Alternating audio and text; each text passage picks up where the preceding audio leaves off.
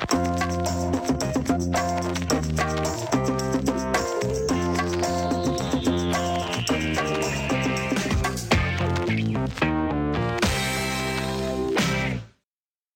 Äntligen måndag och ett nytt avsnitt av Eurotalk eh, har vi här och eh, det är en fullmatad panel med eh, hund i mitt knä och Makoto inte riktigt i Noahs knä men i soffan. Snart. Vilken bild jag fick. Nej, det, det hade varit underligt. Vilken start programmet det hade varit. Ja, verkligen. Men, är det Eurotalk-debut för... Ja, Jag tror det. Hon verkar ju vara väldigt exalterad. Och skygg för kameran. Med all Ja, rätt va? Ja, med all rätt. Eh, du har ju blivit hunden på gamla dagar va? Ja, efter att ha varit eh, Kattvän. allerg... Nej, fy fan. det, det går en gräns där. Ja, Ja, vi ska sorry, inte gå in i sorry. någon så här katt Nej. versus hund Nej, nej. världen. nej men jag, jag levde väldigt länge i en hund och eh, är fortfarande på pappret hundallergiker. Men sen så, sen så, eh, ja, så inser jag nu att jag är inte det längre. Och det handlar inte bara om att, jag, att du har en hund i din famn nu, utan det dök upp en hund i, i, i familjen.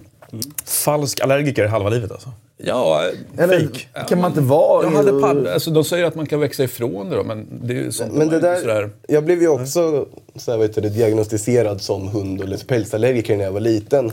Precis, Och- päls ju, allt päls Ja, var det ju och det, som var det konstiga var att det här kom i en timing innan jag skulle skaffa en katt när jag var liten. Då. Och då började jag tänka efteråt, för det känns som att, men vänta lite, Dina jag är ju inte allergisk. Ja, precis. Att han hade slant. Det här är riktigt smart. jag Man klär ut en kompis till läkare och gör en fejkundersökning och sen drar Ja, men alltså, det är jättelätt när han sitter och ritar de här liksom, vad heter det, med någon sån här bläckpenna så här på armen eller vad det är man gör och sen bara... Mm, precis. Ja men du är pälsallergiker, jaha. Ritar? Jag säger att de rispar gjorde de. Så gammal är jag. Det var bara... dzzt. Det rispades ju på den tiden. inte exakt du, fick en, du blev ritad på med en penna. Wow. Det där var samma ljud eh, Christian gjorde när han beskrev att Muriel var klar för Fiorentina. Ja. Ja, eh, Tips då kanske till alla föräldrar när ungarna börjar snacka om att vi vill ha hund och vi vill ha katt. Och bara så här, men du är allergisk, det går inte. Ja, det beror ju på hur ärlig man vill vara mot barnen också. Så är det. Kul att ha dig här Makoto. Ja, jättekul Vi att ska vara snacka eh, all möjlig fotboll men får trycka in lite extra La Liga-surr då. Ja, jag såg, jag blev väldigt glad när jag såg att det var fa Cup-helg istället så att vi inte kommer Ja. fastna blir bra. i En ett Premier. League-segment. liksom. Nåja. Men det, det, går, det går nog att fastna där ändå. Så att. Du eh, Christian, vi är snart uppe i 10 000 prenumeranter på Youtube. Ja, det är helt absurt att det ska ta så lång tid faktiskt. Det, det, det, är- jag vet inte om det är, det är underbetyg åt någon i alla fall. Om det, är- om det är till, till oss här i studion eller om det är till, till dem där ute. Eller om det är till oss båda kanske. Eller till, till Youtube, vad fan vet jag. Kanske. För det är väl en Youtube-kanal det där? Om jag Så förstår är, det ja, hela men rätt. så är det ju. Eh, det finns en del som undrar vad, vad vi gör när vi når 10 000. Men du menar det, det, ska, liksom, det ska vi redan vara avklarat. Det ska snarare vara Ja, straff. ja, kanske. ja. Ja, det kanske det ska vara. Men eh, Det- vi hade ett förslag här faktiskt från David eh, Byström. När ni når 10 000 måste alla i panelen återge sina bästa slash respektive sämsta stund i Eurotalk genom åren. Ehm, Och det, alltså, inom parentes skriver han Borrell får inte ta något om Serie B när han väljer bästa stund. alltså bästa stund i programmet? Jag eller? tänker så här erfarenhetsmässigt. Erfarenhetsmässigt, Alltså okej. Om man har varit med om Ja, det. ja. För annars tänkte jag säga att om det var bästa sämsta stund i Eurotalk, det var ju helt omöjligt att komma ihåg såklart. Ja. Du som har gjort en miljon avsnitt har ju svårare än... Ja, nej men alltså, det räcker Jag kommer ihåg eh, eh, när eh, vi pratade, eller jag var inte i studion, jag satt i kontrollrummet. David och du pratade om eh, Calciopoli. Och, och du, eh, vad ska man säga, inte vurmade för, men du är liksom så här, det är en del av världen och, och du nästan så här, gillar hela cirkusen. Och David blev ju liksom, blev nästan förbannad. Ja, och det var många år sedan och, och, och han, var lika, han var lika förbannad förra, förra måndagen och eh, Chelsea-förtvivlad. Så att, eh, det hettar till lite Inte då. nytt under solen. Under, I studion då. Ja, men förtvivlade supportrar, det, är- det, det är alltid förtvivlade supportrar. är det. har vi gott om här. Ja, eh, Martin. Vad, vad pysslar du med där borta? Nej, men jag började, påbörjade att försöka få fram lite siffror här, men jag hittar inte. Jag måste ju ta mer tid. Okej, vi får se om du lyckas. Eh, Noah, du har eh, skrivit en väldigt intressant eh, artikel, eller reportage, eller en granskning ska säga. Eh, om eh, de lite lägre divisionerna i landet och importer från eh, eh, Afrika framförallt. Eh, ja, jag vet, ja, precis vad det nu handlar om. Det var rätt många spår parallellt där. Ja, precis. Ja, men det, väl, det var väl snarare om den här systematiska införseln av amatörspelare från framförallt afrikanska länder då, till lägre svenska divisioner. Som ju är någonting som har många problem. Därför att det är förbjudet att spela med spelare som är i Sverige bara för att spela amatörfotboll enligt svensk fotbollsbestämmelser. För det förstör serierna på ett sätt tycker de. Eh, Men även för att många av de här spelarna far lite illa emellanåt. Eller till och med mycket illa kanske. Eh, ja, det var intressant Tack! eh, att läsa. Vad- det vad kul kan, att tyckte du. kan jag rekommendera alla. Har ni läst den? Ja, jag har läst den. Vad tycker du? Jag tycker den är bra. det? Nej, men jag tycker den är bra. Och, eh, så sagt, vi pratade lite om det här innan. Liksom, det här är ju att skrapa lite på toppen av ett isberg. Liksom. Det här är ju försiggått i alla år. Liksom. Och rovdriften är enorm. Jag menar, det Nova får fram i Sverige är ju jättebra i Sverige. Men det är liksom, som sagt, det som försiggår i Sydamerika, i Afrika till eh, mindre nogräknade länder. Eh, så jag har hört sådana skräckhistorier om saker som är Ja, det är fruktansvärt. Så därför ibland när det, när det pratas om problem med fotbollen så kan jag tycka ibland att man... Alltså jag kan inte riktigt bli upprörd om eh, Infantino hjälper PSG med, med bokföringen när jag vet att sånt här försiggår. Liksom. Så mycket större problem.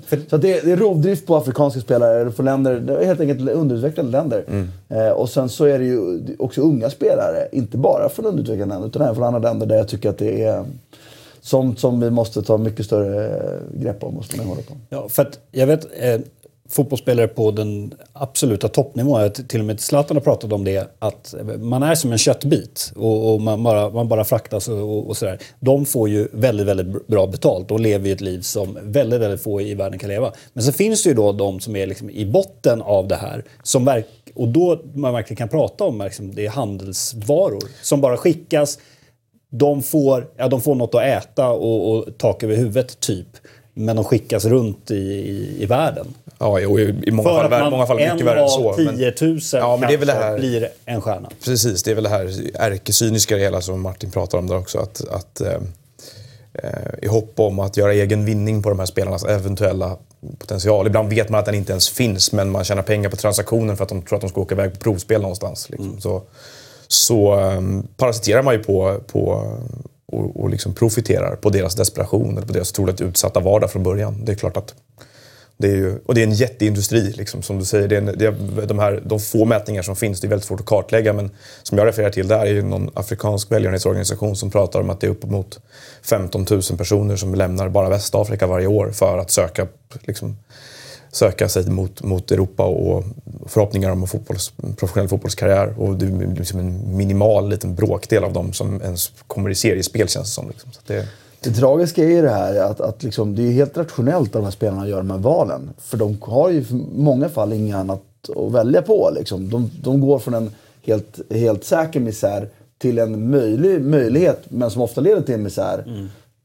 Så, någonstans, m- hur man än vänder och vrider på det här så Det är svårt att lasta dem. Det är svårt att säga så här. Nej, spelarna det är gör svårt, det- svårt, svårt att säga att, så här, att ja, men de skulle- vet vi ju skulle att det är ta samma farligt. beslut ju. Alla vi skulle göra det samma. Där man har möjlighet har man Mm. ju chansen. Liksom. Så det är inte det. Utan någonstans måste man hitta ett sätt att, att eh, övervaka så att det sker under, under bättre former. Där mindre, de tar far mindre illa. Alltså, och det är, det är kanske det viktigaste fotbollen borde lägga tid på, trots allt.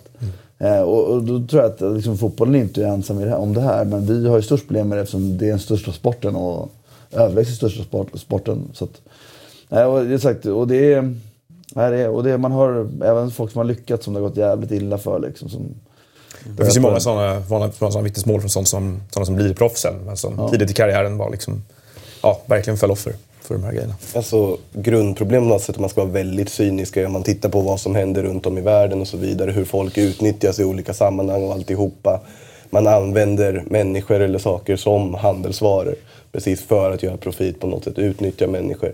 Problemet verkar ju finnas att människan i grunden på något sätt, den obildade liksom, grundmänniskan, verkar inte se värdet i människan överlag. Om ni förstår vad jag menar. Ja, nej, nej. Ja, det är ju Nej, nej, och- Man ska vara väldigt... Det är klart att det är Nej, så. och det ska man, precis, man ska också ha klart för sig att, att många av de som bedriver rovdriften av det är ju också verksamma. Det är också deras enda chans. Alltså, det är klart att det är hemskt det de gör, men det är lätt att sitta här på höga hästar i, Ja, men i västvärlden. precis. Liksom, Alltså, det- och, Herregud, det här gnäller jag på om jag... alltså, Fan, taxin är sen med Uber liksom. Alltså, det är är ett skämt. Nej, men jag tycker väl, grund- man ska hålla sig till fotboll här så är det väl det att då ska vi ju inte ha en, ett regelverk eller ett system i Sverige som möjliggör det här på det sättet som det kanske Nej. ändå gör nu, även om det är lindrigt i jämförelse med många andra länder som du säger. Ja, och det är viktigt att det belyser det. Alltså, på toppen, på botten, överallt. Det, det är liksom volymen av... eh, Det, så det, var, det var bra läsning och jag inbillar mig när jag läser det att det finns eh, väldigt mycket mer än vad Nova vågar skriva eftersom han måste, han måste vara en saklig journalist. Liksom. Så att, eh, ja. Vi som kan röra oss på Twitter istället, vi kan ju gräva upp oss Eller i Eurotalk-studion. Nej, men det kan man säga vad man vill. Eh, ja, men väldigt spännande och, eh, att läsa. Rekommenderar alla som inte har gjort det att göra. Finns på Expressen. Eh, eh, apropå att tjäna pengar. Eh, lite tvära kast här. Men eh, har- har ni noterat att det syns mer och mer dubbla reklamskyltar på fotbollsplanerna? Alltså eh, så här då. Eh, Jag tycker det är snyggt. Men alltså, vad, vad är meningen för Leo Vegas att liksom, annonsera på båda skyltarna där? Det är inte som att... Köpa så ingen annan kan synas kanske. Ja, i och för sig. ja, Ja. precis. Vi ser ju, det, ja, men det är så här. Och så finns det reklamskyltar ser vi också här nere. Det har ju funnits ett tag de här som man lägger ner platt som vink, ser ut som att de vinklas upp. Eh, och, De man i början trodde att spelaren skulle krascha in tror ni att det kommer bara bli eh, mer och mer? Man kan väl sätta upp en tredje? Ta bort rad ett. Eller vad Man ser ju ingenting på rad ett ändå. Nej, exakt. Snacka in populär åsikt. Ja, vi, har, vi har ju pratat om eh, VARs intåg, att det också kommer öppna upp portarna för reklaminslag på, på den vägen. Då. Jag tror inte det Mer kommer bli mycket mindre reklam i fotboll. Nej. Det var- Det är svårt att se. Det här. VAR-beslutet är sponsrat av... Ja. Men det är ju, du ser ju redan vissa allsvenska arenor. Vad är det? Konica Minolta sponsrar Kalmars Hörnor tror jag. Hörnorna? Det är en gammal klassiker ju. Ja, men, Ofta att eh, på eh, lite Den här klubbar hör- att den här hörnan presenteras av Ica eller... Ja, men Stoke har, Ja, sponsrade byten tror jag. ja, men det har, det har Norrköping också. De har ju du- Peab, liksom, vi tillför ny energi till laget, liksom, bemanningsföretag. Bollen, eh, bollen levereras av... Eh, Men sånt där stör mig faktiskt lite.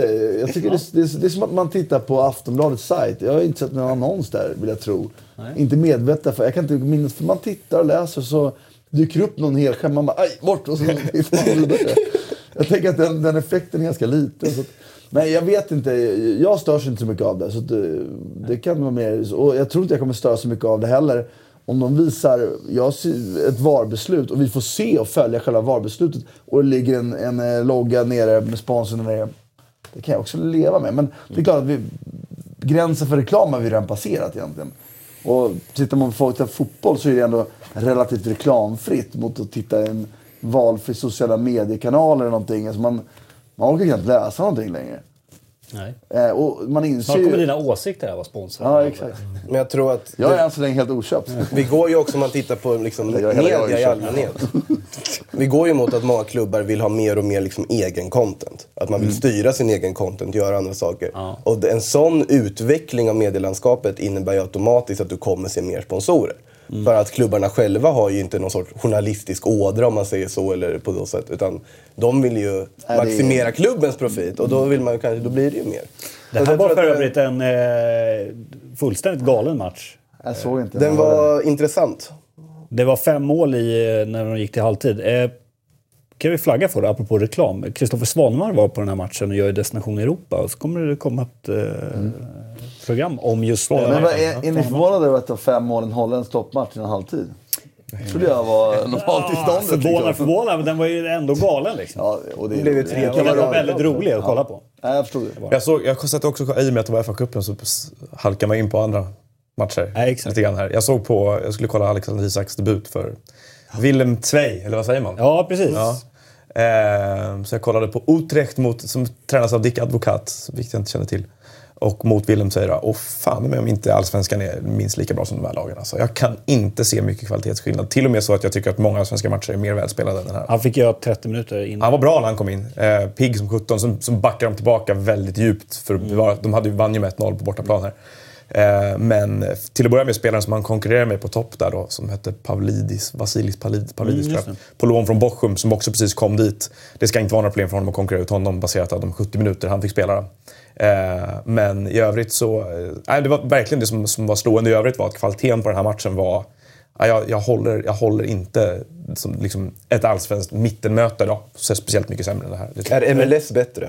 ja, det ser jag nästan aldrig på, så det vet jag inte. Men jag vet, eh, Martin, du har ju pratat om det, att eh, den holländska ligan, visst topplagen Ajax som är, de, de är Nej, men de har ju men tappat. resten är... Topplagen har också tappat. De är väl lite på väg tillbaka. Så jag, jag just funderade på det. Om det och när vi kommer se det nästa steg då, att holländsk ungdomsfotboll nu har tagit steg eller liksom, att det kanske blir bättre. För jag är helt med, med dig att det är ju det är individuellt sett skickligare än allsvenskan men totalt så är det ju samma liksom. Ett bottenlag i holländska ligan skulle ju inte ha, inte, jag vet inte fan om de är bättre bottenlag. Alltså, Ja, men det är till och med liksom, ja, men taktiskt också sådär, utan att jag kan se exakt allt som händer så, liksom, så tycker Nej, jag att de det, var, är- det var slafsigare här Ja. än i Sverige. Det var, Vad beror det på tror ni? Är det ekonomiska aspekter eller har de halkat efter i utveckling? Eller? Alltså, jag ser det inte så, men det, det man har hört av folk som ser lite mer, det är att de fastnade i en modell som vi, vissa klubbar i Sverige stod efter, som, som eh, inte var ledande längre. Och de var, de var ledande under en period. Eh, och sen dessutom då, vilket eh, de säger, så, så var de, lyckades de sämre relativt sett med den modellen också. Och det är det som hände. Och sen på det som du säger, tidigare så köpte de, de kanske de bästa talangerna. Eh, så det var naturligt att Romario och Ronaldinho var i Holland först. Liksom. Ronaldinho kanske aldrig var förresten, PSG, men Romario var ju det. Och Ronaldo- Ronaldo var ju Ronaldo det. ju Man började ju där och den, den, den, den liksom... Suarez började där också, inte länge sedan. Ja, nej exakt. Den, den, den eh, tillräckligt länge sedan för att man ska säga att det kanske... Afonso Ja, Alves gick ju dit och sen Precis, eh, till Middlesbrough, innan han blomstrade på riktigt.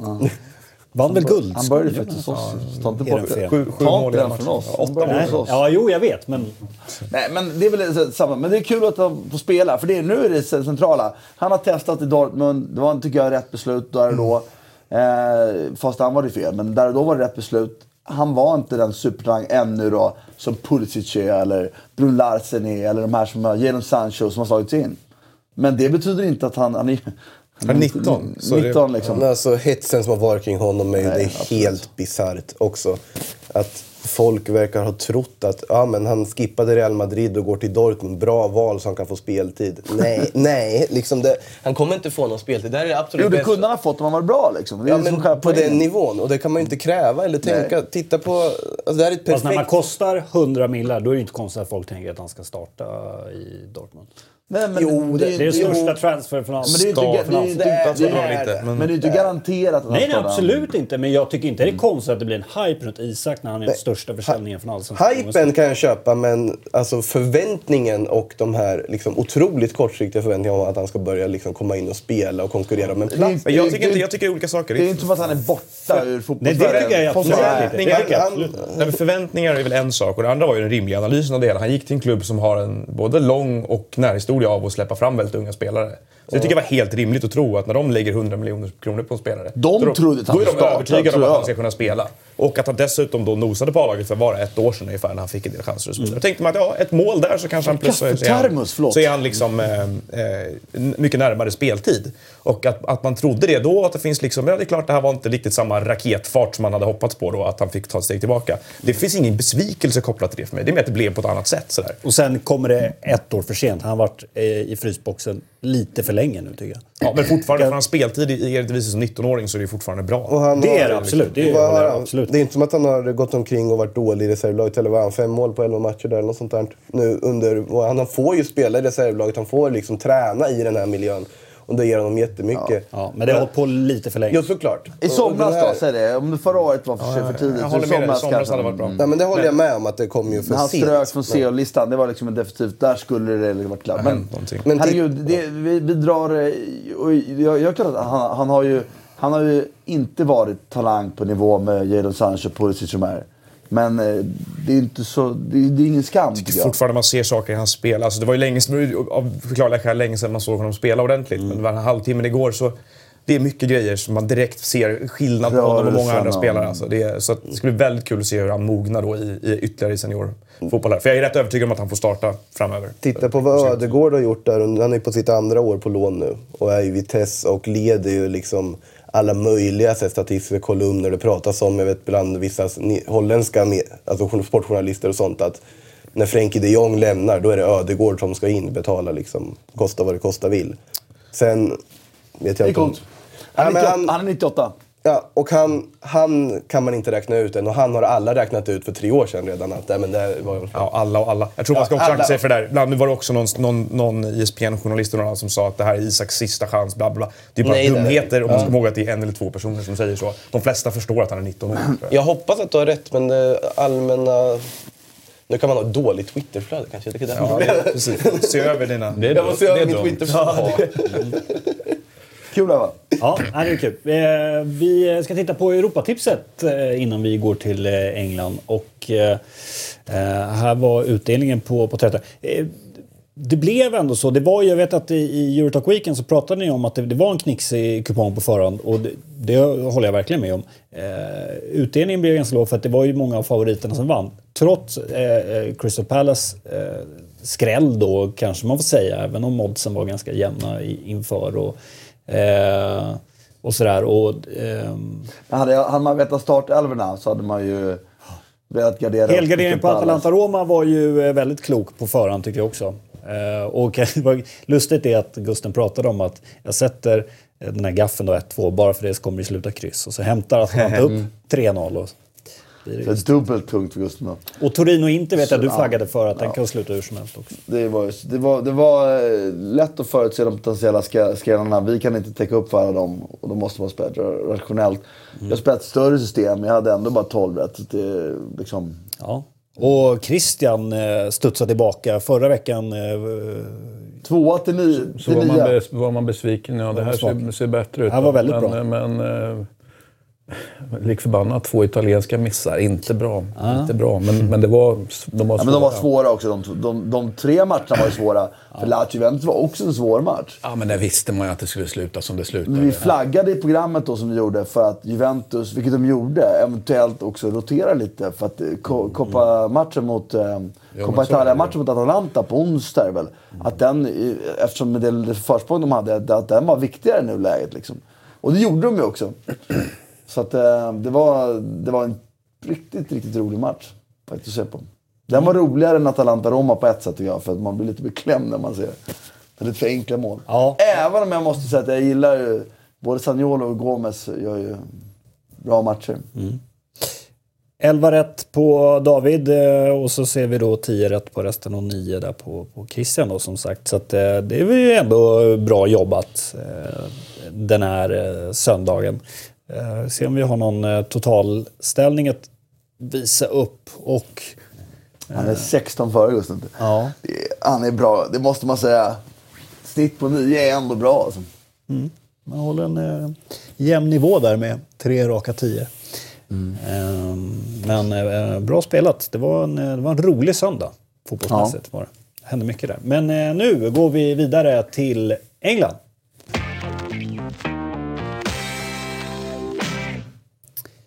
Och eh, där har det ju som eh, Noah sa varit fa Cup-helg. Eh, det är ju också vi i slutskedet av transferfönstret. Det stänger ju på torsdag. Blir det, va? 31. Eh, de flesta europeiska fönster stänger ju då och eh, Arnautovic i, i West Ham, West Ham åkte ju på en, eh, en riktig k- käftsmäll där mot eh, eh, Wimbledon. Men Arnautovic har ju varit snack om att han ska till eh, Kina. Eh, nu blev det inte så. Han, han stannar och förlänger dessutom. Oklart hur, hur långt kontraktet var. Jag tror inte de skrev det. Det var också kul att, att se att dels så la han ju ut på sin Insta-story ett långt meddelande att jag har beslutat för att stanna. Det här är mitt hem och jag eh, älskar West Ham så himla mycket. Och han la ut en video på West Hams sociala medier också när han förklarar att så här, ska jag inte lyssna på allt runt omkring. Jag vill stanna här och så här. Ja, det var väl inte... Det finns ju två sidor av, av de där mynten. Eh, Ja. Eller av det myntet. Såklart. Men vi, ja, precis. vi pratade lite om det förra veckan här med, med de här mass, eller jätteövergångarna till Kina. Och att det känns som att, det finns väl också en del statistik som talar på att de är avtagande på, liksom, på något sätt. Att det, så det är lite förvånande det här ryktet nästan tyckte jag, att, att han skulle gå dit för så mycket pengar. Men bra för alla inblandade parter utom Arnautovic familj och framtida barn kanske, att han tackade nej och stannade. Han fick väl förmodligen inte så dåligt betalt här heller. Nej, precis. Eh, Chicharito snackas det om ska till, West, eller till eh, Valencia. Eh, får vi se hur det blir med det. Det, det var ett tag jag tänkte så här, hur många, ska, hur många klarar West Ham att bli av med? Nu kanske de får behålla... Ja, den de borde försöka göra sig av med, som de försöker göra sig av med, är Andy Carroll såklart. Mm. De sitter på en ganska stor lön, men som de försöker rea ut för två miljoner pund. Men han är ju 30 nu, Carroll. Så att, eh, det är inte så många som pallar ta den där skraltiga kroppen längre.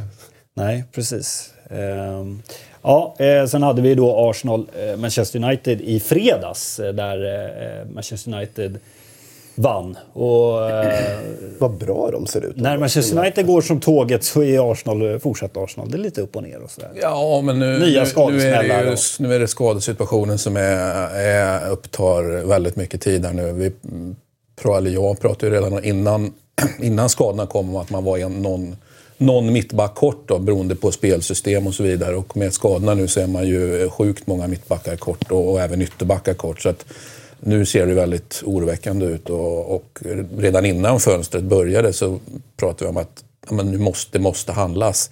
En mittback i alla fall var det som var aktuellt där och då. måste Nu, en hel backlinje. nu känns det som att det, det finns att göra fram till torsdag, man säger så. Va? Och eh, det får vi se om någonting händer. Det pratades ju Cale då, men också bara befinna sig i den här situationen att du handlar och köper spelare som du egentligen inte vill ha. Jag tänker på sådana som kommer in sent under ett fönster och du blir desperat och köper Daniel Welbeck. Liksom, och sen, ja, sen måste du ha Daniel Welbeck i några år. Eller det tar tid att bli av med honom i alla fall för du vill ha tillbaka dina pengar. Och jag tänker också det med Cahill, med all respekt för Cahill, han kanske skulle kunna fungera jättebra men att, att bli sittande med spelare som man egentligen inte har valt, det är ju det är därför man har sportchefer. Och apropå sportchefer, Ja. Monchi snackas det om. Ja, Vad ger du för det? Jag ger eh, inte speciellt mycket för det, för jag har väldigt svårt att se att han skulle lämna Roma om han inte skulle bli borttvingad. Men att han skulle lämna Roma precis nu när han har i somras byggt om så otroligt mycket och verkligen sagt, sagt eh, ja, han går ju på någon slags planka. Han har, han har gjort en, en, en chansning. Det är ju en kalkylerad risktagning han håller på med. Men jag tror han är ganska säker på att det där kommer att bli bra med tiden. Så du han, tror att han tror att det blir en större hävstång i Roma än i Arsenal? Ja, han kanske... Du menar att han skulle vilja tillbaka... Att det är en större klubb och mer pengar och han får Emery och han får och så vidare. Och så Frågan är om vidare. man får så mycket mer pennger. Nej, men det, det, det, så här, Roma har ju potentiellt sett en, en, jätte, det är en, jätte, det en jättepotential eftersom det är en global stad och, och det har lite likt Paris och lite sådana städer som har en, en glo, global uh, appeal som funkar. Men här och nu så är ju tillväxten och utrymmet potentiellt mycket större i Arsenal. Det är ju en större klubb än Roma just nu. Liksom. Jo, men så, så är det Så det är ju ett steg Runt uppåt, världen. liksom. Ja, så är det ju. Va? Om man nu återigen då får göra någonting. Med det, han har ju faktiskt fått göra grejer och, och köpa grejer Absolut. under tiden i Roma. Det, det kan man ju verkligen sätta ett frågetecken på om få om göra. får plus minus nolla i Arsenal. Då kanske han, i och för sig tycker han att det är kul också, för han är sportchef och gillar att och, och, och, gillar att deala. Va? Men jag tycker ändå att han skickar en väldigt konstig signal om han släpper, när han precis har helrenoverat, eller i alla fall nästan till helrenoverat Roma, att han då skulle dra. Det är ju, då, då Så drar han med... på CVt eller? Nej, det ser inte alls bra ut. Alltså, du, det är ju förlorad trovärdighet. Jag tänker för kommande... Det beror ju på hur många klubbsessioner han tänker ta till. Han kanske, han kanske känner att han eh, börjar närma sig slutet. Jag har vad du liksom. säger, samtidigt som jag tror att de flesta skulle titta på det utifrån och tycka att, oh, vänta nu, Arsenal, där är ju potentialen större. Det är som att byta till ett bättre lag efter eh, ett år. Det, det skulle väl inte kanske nödvändigtvis bli så dåligt i CVt. Även om, men det går ju att kommunicera att, att, alltså, som att, men, Ja, det är klart att det går att Roma, det kommunicera var hit jä- och dit. jättebra, men Arsenal, jag kan inte säga nej till sån chans liksom. Vad vet jag? Men det, det ligger något där också. Alltså, om man tittar på Arsenal, vart de borde vara eller vad supportrarna förväntar sig eller borde förvänta sig. Då ska det ju vara ett lag som slåss om titlar. Alltså i grunden. Nu är de inte nära att vara där, men de ska ju vara där. Roma och Sevilla, om vi tittar på Montjes tidigare klubbar. De har ju inte samma alltså, normaltillstånd eller deras plats de ska vara på. De, det är ju liksom slåss om Europaplatser kanske, liksom hålla sig upp och även kanske göra en viss profit. Hitta lite billigare spelare som man sen förädlar och säljer vidare. Jag undrar ju om en typ som Monchi som uppenbarligen gillar att plocka in väldigt mycket sålla och Nej, sen det är också liksom en legitim poäng. Liksom. Ja, men alltså, sidan så- skulle det vara rätt för ett lag som Jag håller med. borde ha grundambitioner med... Å, å, å andra sidan så, är det ju, så beskriver det ju vad som borde vara Arsenals verklighet här. Men den ser ju inte ut så. De, Ja, men de, de använder ju inte sina det- pengar på det Ja, sättet. men de borde... De, Nej, de, de, de, de, tycker de handlar på ett sätt som gör att de mer eller mindre begränsar sig själva till en budget som skulle passa Monchis kunskap liksom, eller arbetssätt ganska bra. Nej, men vad, vad, vad Kott är ute efter känner jag att han, är, han passar bra. När du, spelar, när du inte är på toppnivå så kan, du- då kan du vila deala mer. Liksom. Mm. En Men de beter sig inte som att de har mycket pengar som helst sig med. Men du, du värvar det ju inte Aubameyang för att förädla en- honom och sälja vidare. Nej. Att han, Och det vill han göra är en lite, ja. Precis, det är det. sportchef och inte en ligatitelsportchef. Det är ju det Nej, du säger. precis. Det- Det, det är- och det, det måste jag säga att jag... Där är jag beredd att hålla med. Min känsla är att, att Monchi är ingen du vinner ligatitlar med. Det är, så känner jag absolut att det är. Och Han släpper dem för tidigt för att göra en bra affär. Ja, han, är- han är för sugen på Lite Sabatini. lite Sabatini, inte lika mycket men, Men, men, men säg, hyfsat säg nära. Torreira till exempel, eller Guendo Si eller någon som har slagit igenom lite den här säsongen. Om du hade Monchi som sitter i den sitsen, han har hittat den spelaren. Sen kommer, säg Paris eller City kommer och knackar på med dörren med väldigt mycket pengar. Han hade inte tvekat att göra profiten och sälja. Alltså, jag, jag, Och vad han har för arbete. Han Ja, ja, för- men alltså, så har det varit i Sevilla. Så, tycker inte, jag- så det är för tidigt att säga att man är så Roma. Ja, absolut. För att i Sevilla var nöd, nödvändigt att göra det. Så det är inte säkert att man måste ju också anpassa sitt sätt efter lite förutsättningar. Ja. Men, men jag håller med. Poängen är liksom, frågeställningen är legitimast. Men vad han, alltså jag, förstår inte det här. Hans beslutsfattande i det hela. Han är ju inte den som sätter liksom behovet av att sälja spelare till, till liksom vinst hela tiden. Det måste han ju anpassa efter klubbens ekonomi. Och det men som hade gjort att han hade passat bra i Arsenal, det är att de inte har ambitionen att gå minus på spelaraffärer till exempel. Fast- så på det sättet så är han ju alldeles utmärkt för Arsenal. Ja, Men är det Arsenal behöver? vart Nej, verkligen inte. Nej. Men, men, men, men, men, men, vara, led, ledningen vara. har klätt ut klubben till, så är det ju precis en sån här sportchef de behöver skulle jag säga. Ja, om du ska acceptera att den ledningen och den ambition de har idag ska vara där som Arsenal borde Jo, men då hade du behövt av och det 60 000 finns ju- zombies på läktarna. Det finns ju också, det finns ju också en, en annan aspekt då. För att, eh, om vi säger att, att utfallet är plus minus noll i alla Sevilla, Roma och Arsenal. Så är ju omsättning på affärerna mycket större i Arsenal än vad de är i Roma som var större än Sevilla. Så att som en sportchef av Monchi, om det, det är också en legitim poäng att göra. Att, att han, skulle han få handla i Arsenal då skulle han kunna röra sig med större summor. Men ska hamna på samma resultat. Och då vet man aldrig vad som händer. För om du är en sportchef som fungerar Nej, jättefint på en nivå och sen ska du Precis. upp en nivå. Det Och sen helt aldrig. plötsligt gå Men från det där att, tror- att ha pengar. Det är fan inte lätt. Jag, jag tror att han är, är duktig på just det. Men jag tror mer att han är sämre på just det här köpa och behålla. Som jag tror att om man ska vinna titlar bygga så måste man köpa, behålla, sälja av rätt och så här. Han känns lite för trigger happy som jag tycker att... För, alltså, Sabat, alltså, Sabatini gjorde enormt bra jobb med Roma. För att han byggde ju, eh, liksom resan de har gjort som klubb hade ju inte varit möjligt utan att köpa och sälja. Men det är ju inte långsiktigt den bästa grejen tycker jag. Dessutom- Och, och titlar vinner man ju när man, genom att jobba långsiktigt också, både som klubb och som sportchef. Och det är, det är ju också en signal som Monchi skickar i sådana fall om man skulle lämna Ja, efter absolut. två säsonger. Att det är ju inte så att det är omöjligt. Jag skulle säga att chansen att, att vinna eh, alltså Arsenal-Roma, säg att den är 50-50, eller att- att vinna ligatiteln. Det är ungefär lika stor chans. Att, att du, för, du måste nej. förstå att du måste stanna då längre än två säsonger. Att han då visar sin icke-långsiktighet genom att, genom att liksom stressa vidare. Det, det, det, Ja, men jag, jag hör det, men jag tycker mot ska vägas att, att, att, så här, jag är absolut inte... Att vinna titel med Roma i Serie A känns längre ifrån att vinna med Arsenal i Premier League. Tycker jag. Eh, det är det ena. Det andra, däremot håller jag med dig om, det var därför jag frågade om det här med potentialen på klubb. För att Roma är ju potentiellt sett en klubb som går längre i Champions League lättare däremot. Därför att Roma är i, i, i sin... In, För de är i Champions League. Ja, de är i sin liga, i sin liga är de lättare där. Roma har ett globalt varumärke som jag tror på sikt är lika stort som Arsenal, så starkt som Arsenal. Roma är staden Rom. Det är större än vad Arsenal är av London, tänker jag då. Liksom. Så det var därför jag undrar hur du värderade det. För det måste någonstans tala för hans... För någonstans vill man ju ändå vara... Annars kan jag tänka så här, är du sportchef, du vill ju ändå vara vid de största borden. Liksom. Jo, men det, det, det är ju rimligt, precis som spelare. Du vill vara högst upp, det tror jag också. Och Arsenal är just nu ett större bord än vad Roma är. Ja, Hur men, nära är det, Roma men det är verkligen inget dukat bord. Det är det som är bekymmersamt måste jag säga. Eller det är dukat på, på kron- kronkevis. Liksom. Att, att bara befinna sig i, i vad som visar sig vara en ganska kritisk transfer, ett, ett kritiskt, kritiskt transferfönster.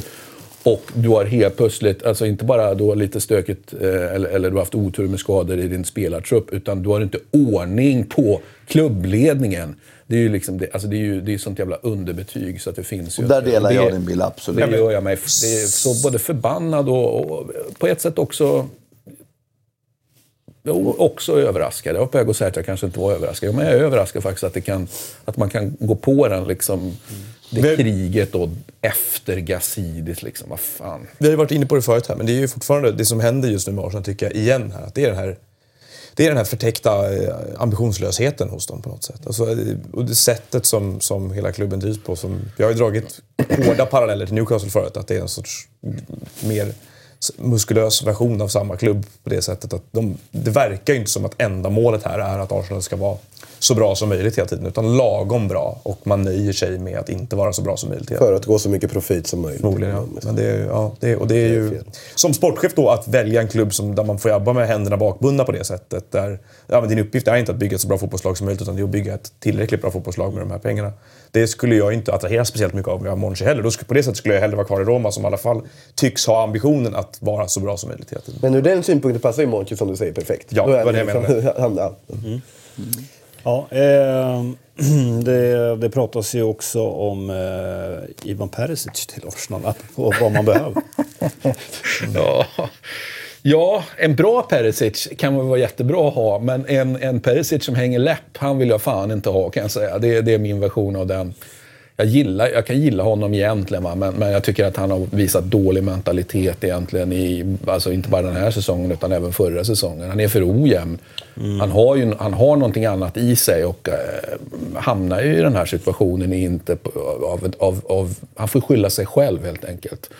Han, sen om man säger att det är synd om honom eller han hänger läpp för att han inte kom iväg till United förra sommaren. Det var ju länge sedan det började pratas om United till honom. Om han fortfarande går omkring och är sur för det. Men en, det, det är bara att konstatera att, att hans form, formkurva är ju liksom, i Inter är ju, har ju gått, inte rakt ner, men hyfsad sluttning på den. Ja, nej, jag tycker också att han har varit överskattad Inter också hela tiden. Alltså, av ut, jag tycker att de fick de bud de pratade om, om det nu stämde. var det, 50 miljoner euro? Ja, typ? men Det var 30 väl miljoner säljer honom för han blir aldrig någonting i Serie A på det sättet. Däremot så har han ju egenskaper som skulle passa bättre, inte just i Arsenal, men i Premier League. Eftersom han är ett stark fysiskt, duktig en mot en, bra på att ta sig ner runt på sin kant. Det finns ju en större användning för honom än vad det är. Men jag håller med också om att, att det är oroväckande hur, hur stor dippen är formmässigt hela tiden. Ja, för nu är han ju borta för en säsong. Ja, men det är och ju och en säsong är också en jävla lång dipp. helt. Det är liksom, är du med? Ja, men det är Den också- som maxar på ensäsongsdipparna, det är ju Hazard. Som, som checkar ut och så, och så skiter han i det och sen så checkar Han är han ändå in. Då, va? bättre. Men jag är ofta någonting. Är för nu. Liksom. Men, men så att, eh, nej det håller jag med om. Och det är ju fel fokus. Jag håller ju med dig Christian. Att det måste ju förstärkas och det måste göras nu. Det finns, så sist jag kollade bara så var också Arsenal har ju finansiellt utrymme, fortsatt stort finansiellt utrymme att låna för att köpa spelare. Dyra jävla spelare. Typ en Liverpool med, med eh, van Dijk-värvning. De, de, kan- de kan göra det om de vill. Och då, jag menar, då är det ju inte, det är inte på den positionen Nej. som vi konstaterar att de behöver göra. Då kanske de skulle Köp be att få låna, låna, låna Miranda istället då. Eller om de nu är ute efter ett lån eller Eller ett byte. Eller köp Skriniar. Spräng Eller, banken. eller, Ja, det är det sista Nej, de gör. Va? Det är det sista de gör. Ja, jo. Ja, det, Sprängbanken. ja, vi, de... Eh, nej men det är väl överhuvudtaget... så lyckligt lottade att de under lång, lång period har varit väldigt bank, bankkompatibla genom att ha Mm. en egen bank. Så att det, det är kanske är det de försöker göra igen. Starta en egen bank. Ja, det skulle de nog göra bra. Eh, ja, eh, apropå värvningar då, eh, så blev ju Iguain klar då till, till Chelsea. Har ju redan hunnit eh, debutera i... Och Morata till Atletico. Är det klart? Mm. Trots sådana jävla motstånd bland fansen. Är Precis, de modigt. ramsor. eh, Och har honom. Förstår det som att det skulle varit väldigt eh, viktigt för Simeone att få honom? Han jag tror att det är bra för Simeone. Simeone, sa att, eh, att det här hängde, till och med, att- jag vet inte om han hade sagt det, men det skrevs i alla fall att det hade hängt ihop med hans beslut att förlänga kontrakt och allt möjligt. Typ, att han fick tillgång till honom. Typ. Alltså det känns ju som att Nikola Kalinic var väl inte första valet att ta in som en så här backup forward i somras. Eh, Är han klar för Monaco nu istället då, eller? Jag vet inte vad, vad Kalinic ska hitta på nu, det är, det är högst oklart. Men Morata är ju ganska liksom så här low risk, high reward egentligen. Alltså du får han ju på ett lån, antar jag att det är väl. Betalar väl 9 miljoner euro för att låna honom resten. Ja, men du, du får han på ett lån, du har säkert en option att köpa och så vidare också. Det är en spelare som erkänt kan leverera. Alltså, Ja, är det så?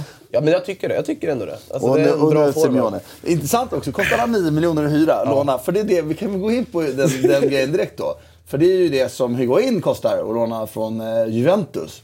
Eh, det här dök upp lite för att jag, jag får upprepa det, folk har lite förstå, svårt att förstå journalister eh, som, som, eh, som, som följer fotbollen in den har fortfarande inte riktigt fått ihop det här med hur man räknar kostnaden på spelare. Men Higuain är ett lysande exempel. Det är en jättebra affär för Milan att- att släppa den kostnaden. Då har man alltså lånat honom för 18 miljoner euro av Juventus. Vet ni varför summan var 18 miljoner? Nej, okej. Det var avskrivningen för Juventus per år. Så att Juventus har köpt dem för 90, de har 18 miljoner avskrivning per år. Så det var, om Juventus ska släppa honom på ett lån så vill ju de ha sin finansiella eh, siffra. Alltså de vill inte göra ett resultat minus på honom. För hade de hyrt ut honom för 10 miljoner, då ska de bokföra en förlust i resultaträkningen som är Financial Fair Play. Det som eh, var nu namn för time här, Kristoffer, förra veckan. Men den går ju, det, det är ju resultaträkningen som jämförs i Financial Fair Play-hänseende. Så alltså, då lånar de, hyr de ut honom till Milan för 18 miljoner euro. Eh, dessutom vill ju Juventus då ha Higuains lön täckt på 6,5 miljoner euro netto. Eh, lätt räknat, om vi tar 0,5, alltså att det är 5% skatt. Jag tror att det är lite mindre. Men då är det 13 miljoner euro som det kostar Juventus. Så han kostar alltså Juventus då 31 miljoner euro om året. Eh, då vill de, den kostnaden vill de ju slippa. Eh, och lysande av Juventus att skeppa iväg honom för Milan. Milan gör ändå rätt som tar honom tycker jag. Men Milan gör fel i att de sitter, trots det sitter och tar över en lön. Hans lön höjer den till 9,5 miljoner euro. Alltså Milans kostnader är då 18 miljoner euro i, i lånekostnaden. Eh, och sen en option på att köpa som jag inte tror var obligatorisk. Men de hade det i alla fall. Och så har de kostnaden för lön som var 9,5 miljoner euro netto. Det är alltså 19 miljoner. Så de har då ökat kostnaden på honom. Sitter Milan med honom nu och så har han inte presterat i Milan. Han är inte nöjd i Milan. Eh, Chelsea dyker upp. Perfekt. Så att när han går nu till Chelsea, då tar ju Chelsea över den kostnaden. Det visste ju att det skulle vara 9 miljoner euro, för det har Juventus gått ut och sagt att det blir inga förändringar i finansiellt hänseende för oss. Det vill säga, eh, de hyr inte ut honom till Milan längre, utan de hyr ut honom till Juventus. Då har Juventus tagit över, eller Chelsea tagit över den kostnaden för 9 miljoner euro. De pengarna vill de i sin tur täcka. Ja, då hyr de ut Morata för 9 miljoner euro. Och så har vi fått med, och det, siffrorna matchar ju ofta, för det är ju, Financial Fair Play blir väldigt avgörande. Det som är fantastiskt för Milan är ju, vilket folk inte riktigt har koll på, då köper de eh, eh, Piontek för 35 miljoner euro. Ehm, och då tror, tittar folk på att 35 miljoner euro är mycket mer än vad de tjänar på att eh, låna ut eh, in för 9 miljoner euro. Alltså slippa den kostnaden. För den, har- den har de ju sparat. Men 35 miljoner euro, då tittar de på hur det finansieras. Finansieringen av en spelare hamnar i balansräkningen. Men nu pratade vi 9 miljoner euro i en kostnad för resultaträkningen. De här 35 miljonerna eurona ska ju fördelas på kontraktet som Piontek har skrivit. Och det var väl typ 4,5 då tror jag. Jag tror det var 7 miljoner euro per år. Så redan där har han sparat 2 miljoner euro på att köpa Piontek för 35 och och slippa kostnaden för Higuain. Sen har du lönekostnaden på det. Så med Piontek har höjt sin lön från, då han i Genoa så här 500 000 euro netto till 1,8 miljoner euro netto i Milan. Eh, Men det är ju också net, netto då, så det är 3,6 miljoner euro som Milan tar. Men sex månader så är det 1,8 miljoner. Men de sparar ju också 9,5 miljoner på, på Higuains där. Så i runda slängar har de ju sparat drygt 10 miljoner. Bytt till sig en forward som de kan använda. Som, som, så det är en lysande affär. Och det är också det jag vill prata om så här. För, för till exempel, vi pratade om, eh, om Tottenham. Eh, jag, jag ska återkomma till det när jag får lite mer tid att kolla. Men det var ju det här sprunget ur att Anders Bengtsson, som jag verkligen tycker om som person, eh, hade kritiserat att jag tyckte att det fyrades pengar för Tottenham när de fick spelare skadade och försäkringar. Han tyckte jag skulle bevisa att de hade försäkringar. Ehm, eh, det blir svårt att göra eftersom det är avtal som är jag kan aldrig veta exakt hur det ser ut. Jag vet hur försäkringsbranschen fungerar, jag vet hur världen fungerar. Jag kan nog ta fram att vilka försäkringsbolag de förmodligen använder sig av. Kanske AIG som är sponsor på tröjan, jag vet inte. Men vi kan gå tillbaka till Tottenham då, för det som är intressant här blir att Tottenham har ju då, eh, vi pratade om, om eh, kostnaden på spelare. De behöver få in spelare tycker jag, eller Arsenal. Ja, och då kan man ju inte jämföra kostnaden för spelarna. Inköpet är ju inte det intressanta utan det är ju kostnaden för löner, kostnaden för, för alla möjliga saker. Ehm, eller avskrivningar och, och Jag kommer, kommer av mig lite här. Jag skulle komma till något viktigt här. Försäkringsärenden. Nej, men det får jag återkomma till. För det måste jag ta, sätta med tid och... Tottenham har råd att handla. Ja, de har ju råd att handla. Det tyckte jag då, och det tänkte jag man får till dig Noah lite för att det var ju, vi pratade, jag har inte hunnit kolla det, det var det jag försökte kolla här nu. Eh, Tottenham pratas ju om att de har så finansiellt, och Erik Niva säger det i bredvid andra studion, jag har aldrig tänkt på att kolla det liksom. Men Tottenham nu när de får sin, i Deloitte där så omsätter de mer, de omsätter mer pengar än Juventus. Ja. Eh, och då vill jag jämföra, är spetsen i Tottenham-Juventus, då pratade vi här innan, då håller jag väl Juventus spets lite bättre än Tottenham. Absolut. Men inte mycket, Tottenham har bra spets. jag håller Juventus också. Då tänker man så här, om de omsätter mer eh, och de har eh, då i, i det avseendet då en, en bättre spets, så kan man kanske tro att bredden är bättre i Tottenham, men det är ju där den stora skillnaden är. Tottenham har ingen bredd. Jag, jag funderar på det här. Jag, jag, jag brukar lyfta med Tottenham just snarare att det har varit under en period här imponerande att de har presterat bättre än, det var vi var inne på förra veckan också, bättre än lag som omsätter ännu mer i England, i ligan. Så att relativt till de andra engelska lagen så har de, tycker jag, fått ut mer, framförallt tittar man på deras lönekostnader och så vidare, så har de ju fått ut mycket av en trupp Jo, som men det är på också lägre nästa lönekostnader. grej. Men, det Ja. man säger där då, att, att du tittar på att Juventus får en bättre bredd med sin trupp så tror jag att engelska lag tvingas i regel, rätta mig om jag har fel, betala mer för spelare även på bredden, både bredden och spetsen. Så att det är svårare att bygga en trupp. Men det ska inte vara så stor skillnad. Det är klart att det, är en liten skillnad är det ju.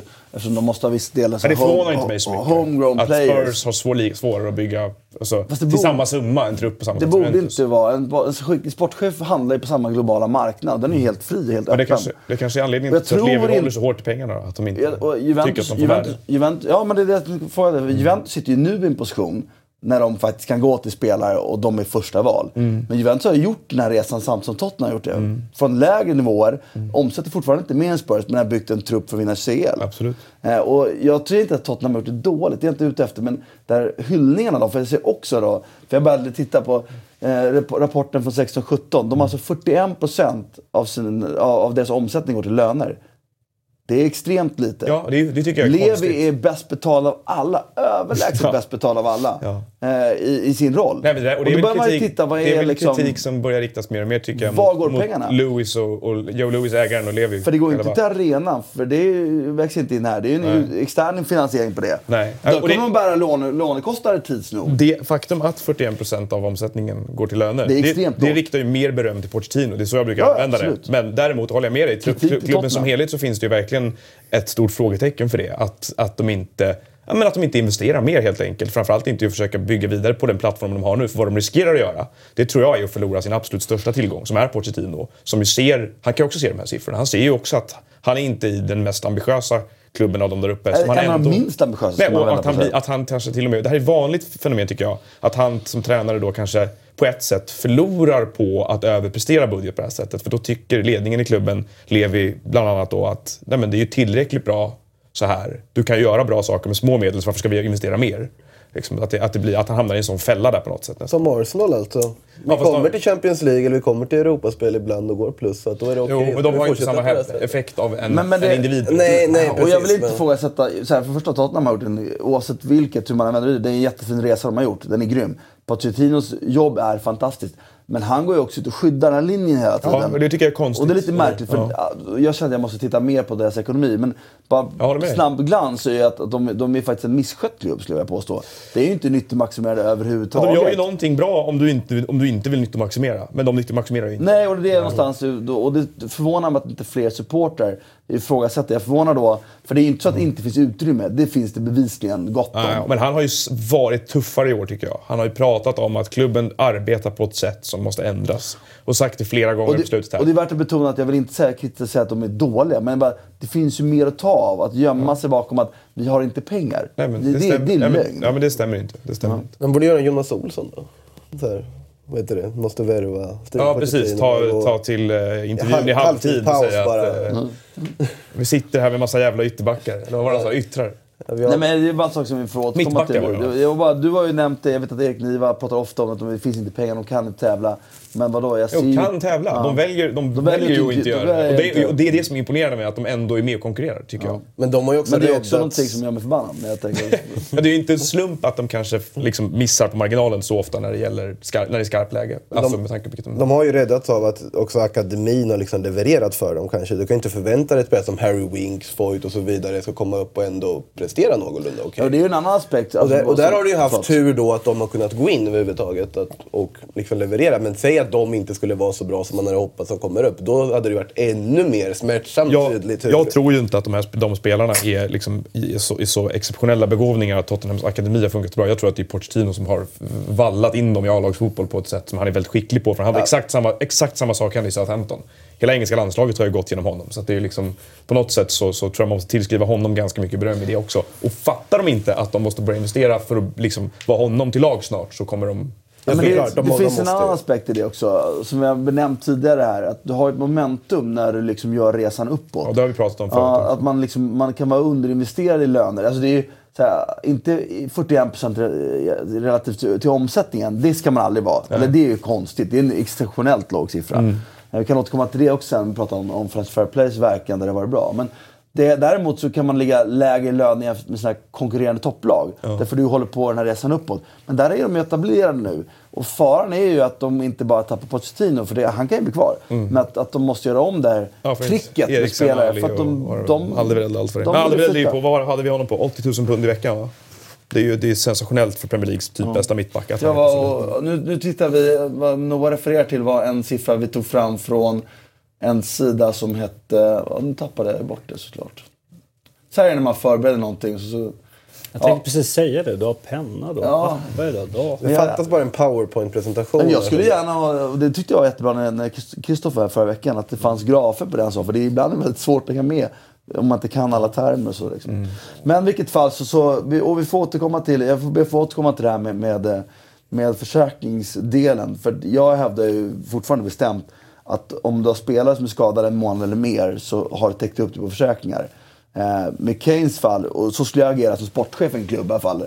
Att okej, här har vi en spelare som är extremt viktig för oss. Det är en spelare som eh, vi inte har någon bra ersättning för. Där är premien att betala för hans eventuella täcka upp hans eh, bortfall mycket, mycket viktigare att betala. Okej, här har vi fyra centrala mittfältare som är likadana. Alla fyra är riktigt bra. Här kan kanske vi kan skita betala till och med. Alltså, någonstans är det, det är, så man, det är en finansiell planering helt enkelt.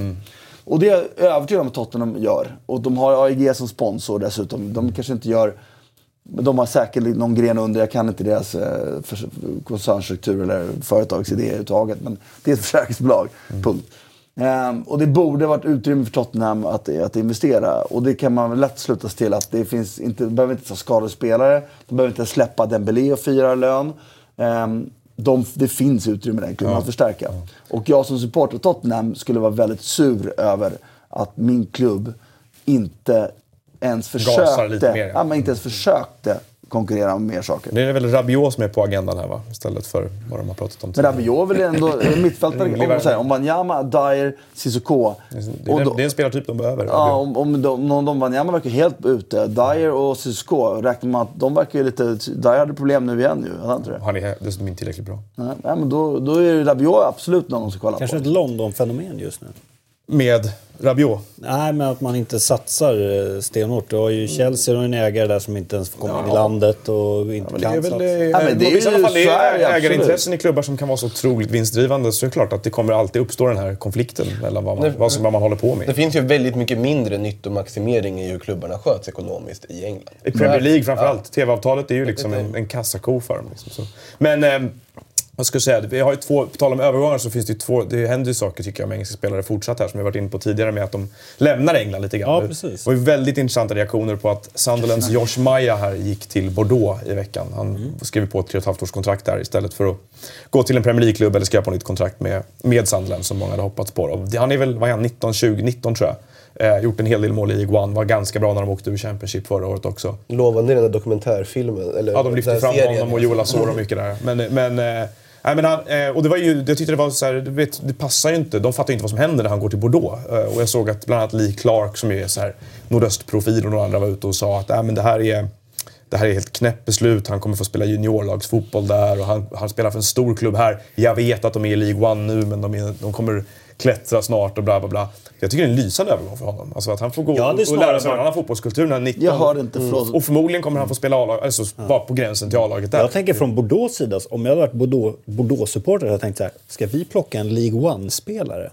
Alltså, Ja, men de kommer har han också ta sett plats här? Netflix-dokumentär. Ja, de har också sett netflix kommentar Så det, det är det. Nej, men jag menar, Netflix jag, boys. jag menar, det börjar bli en grej nu att äh, klubbar på kontinenten scoutar engelska spelare som har tryckts neråt i seriesystemet av att det är så mycket importer i Premier League. Och det tycker jag, det är en, alltså det är samma sak funkar marknaden perfekt ju. med, Ja, men som med Cal- Callum Hudson-Odoi Hudson Odoi här, som är ju det andra exemplet. Då, som ju, han håller på att tvinga sig själv till Bayern München nu, bara för att de kan erbjuda honom någonting annat än vad han erbjuds i England. Det är fan sjukt att Sarri inte spelar någon. Han var fantastiskt, han ser så fantastiskt intressant ut. Jag vet inte om ni såg målet han gjorde igår mot eh, Sheffield Wednesday. När han, han hade en nedtagning och, en, och sen en fint bakom stödjebenet i samma rörelse. Där, eh, vem var det? Stackars Danny Fox som spelar vänsterback i, i Sheffield Wednesday. Bra han är fortfarande på väg ut mot hörnflaggan liksom, efter, efter den finten. Ja, det är faktiskt en gåta när man såg den här Chelsea-Tottenham-semin i veckan. Alltså, jag, jag är svag för Pedro av naturliga skäl. Men Hudson Odoi har någonting annat. Ja, alltså. han är mycket bättre. Tänk dig de lägen som Pedro var i. Hade Hudson-Odoi varit i dem, framförallt så kostar det otroligt mycket. Alltså fatta att försvara mot någon som är så pass mycket bättre än mot en också. Ja, det är en gåta att han inte spelar. Ja, nu spelar ju Sarri. Men det verkar lite sent. Jo, men det var han en- hade ju sagt efter matchen igår att ja, det vet inte, här var min sista match, man får se vad som händer, bla bla bla. Så det var inte så att han bara, nej jag stannar. Nej, och sen så ska man då ha klart för sig att det, nu spelade ju han, roterade ju lite igår. Och William gjorde två, så då är det så här. Nej, nej, det kan ju mycket Okej, väl vara nu så att han är William tillbaka. Peder, eller William Hazard och så, så går in nästa match. Men det är ju jätteviktigt alltså att om du har en talang, även om man kanske inte ska starta, håll honom nöjd. För uppenbarligen liksom inhemska spelare och med de reglerna som finns. Det är som att det är som att köpa en Mac eller en Windows. Liksom. Du betalar dubbla för ett liksom, äpple. Och du, du betalar dubbla för ett brittiskt pass. Liksom. Och det blir ju ännu värre om Brexit och alltihopa kommer säkert. Med Ja. allt det där. Nej, men det- du, det är- du, du, måste, alltså, du måste ju ta hand om de egna liksom, inhemska spelare du har.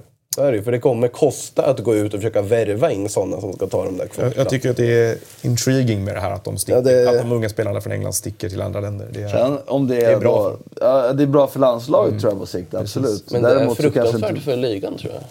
Alltså, Ja, det tror jag inte heller. Men för, för klubbarna som släpper dem, Ja, för, för inga pengar släpper- eller för billiga pengar. Ska Nej, men- köpa tillbaka dem sen, det är inte bra. det är tuffare. Blev det en timme England då? Skönt. Perfekt. Vi går vidare till Italien.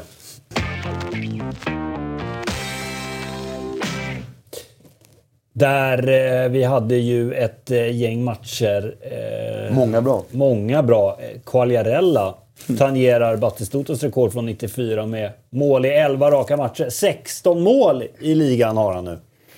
Ja, det finns ju snart inte ord för att beskriva honom längre. Han, han är ju, som vi sa sagt här, han är bättre än någonsin och, och, och frågan är hur bra det där bättre än någonsin är. Och, alltså, den formen han är i, ska han in i landslaget nu? Det blir ju faktiskt en ganska viktig diskussion eftersom målskyttet är ett, har varit ett problem då för landslaget. Så att eh, Mancini har ju fått lite att tänka på och, och Quagliarellas motståndare har ju bevisligen någonting att tänka på i, i, i Serie A. Liksom. Det, det är ju en form, om det nu är en formtopp vet jag inte, den känns ju ganska lång vid det här laget. Men den form han är i är ju stratosfärisk skulle jag vilja säga.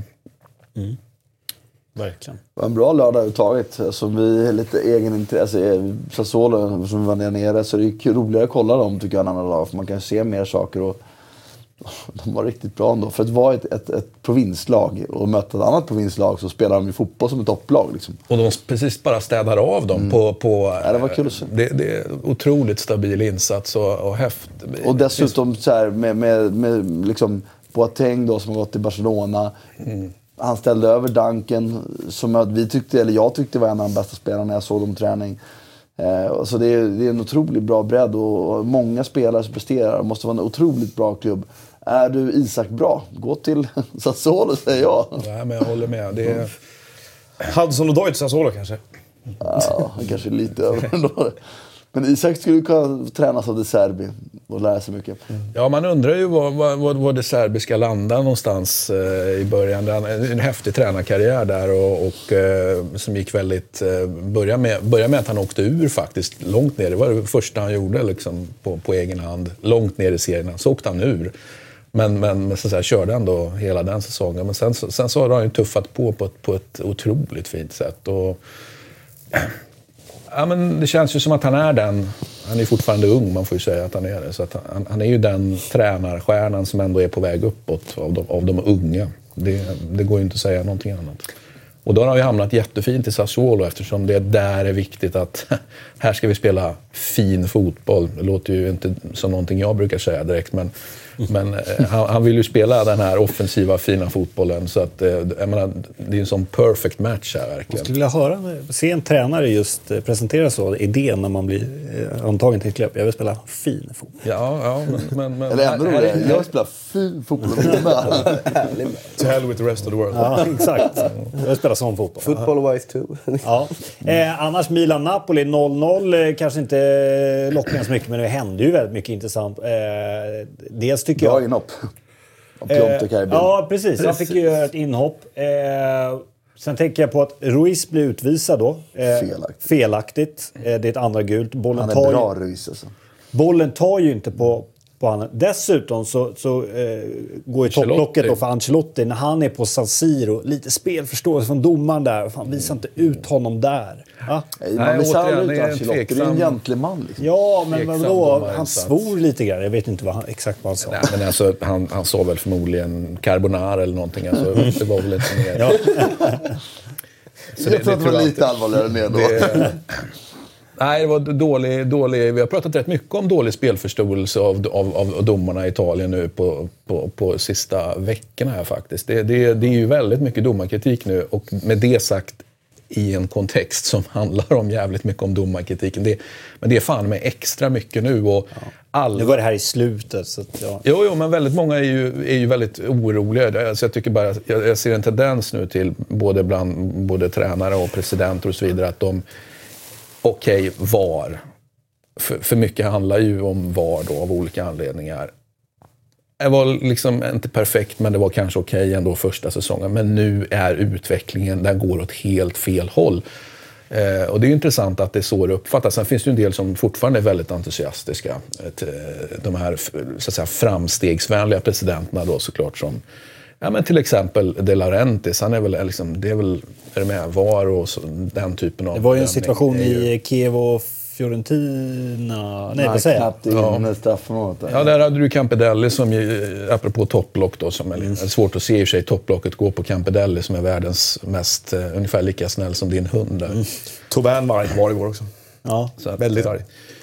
Men apropå Milan-Napoli, jag tycker en... en eh, ja, men, man, man kan inte... eh, Alltså ett Napoli som ska vinna ligan, då kanske man kan begära att de ska liksom vinna då självklart borta mot, mot Milan. Men, men eh, fan, Milan, Milan är inte så dumma och jag tycker det mest intressanta här var ju Gattusos extremt tydliga besked efter matchen att att Cotrone, vilket, vilket kanske är självklart, men han var ändå väldigt tydlig med det. Ja, men Cotrone, Piontek, de kommer, de, Nej, de, det tycker jag också var de intressant. kommer inte spela. Kommer inte spela med två Så att han, nu har han redan stängt den, eh, så det kommer inte hända då. Så, det, så länge han sitter på Det tränarbänken. var i och för sig ganska väntat också. Ja, men det var men att, eh, att ge ett sånt supertydligt besked. Det. Jag såg inte riktigt. Det kanske är bra, men jag, jag säger inte att jag såg det beskedet komma faktiskt så tydligt.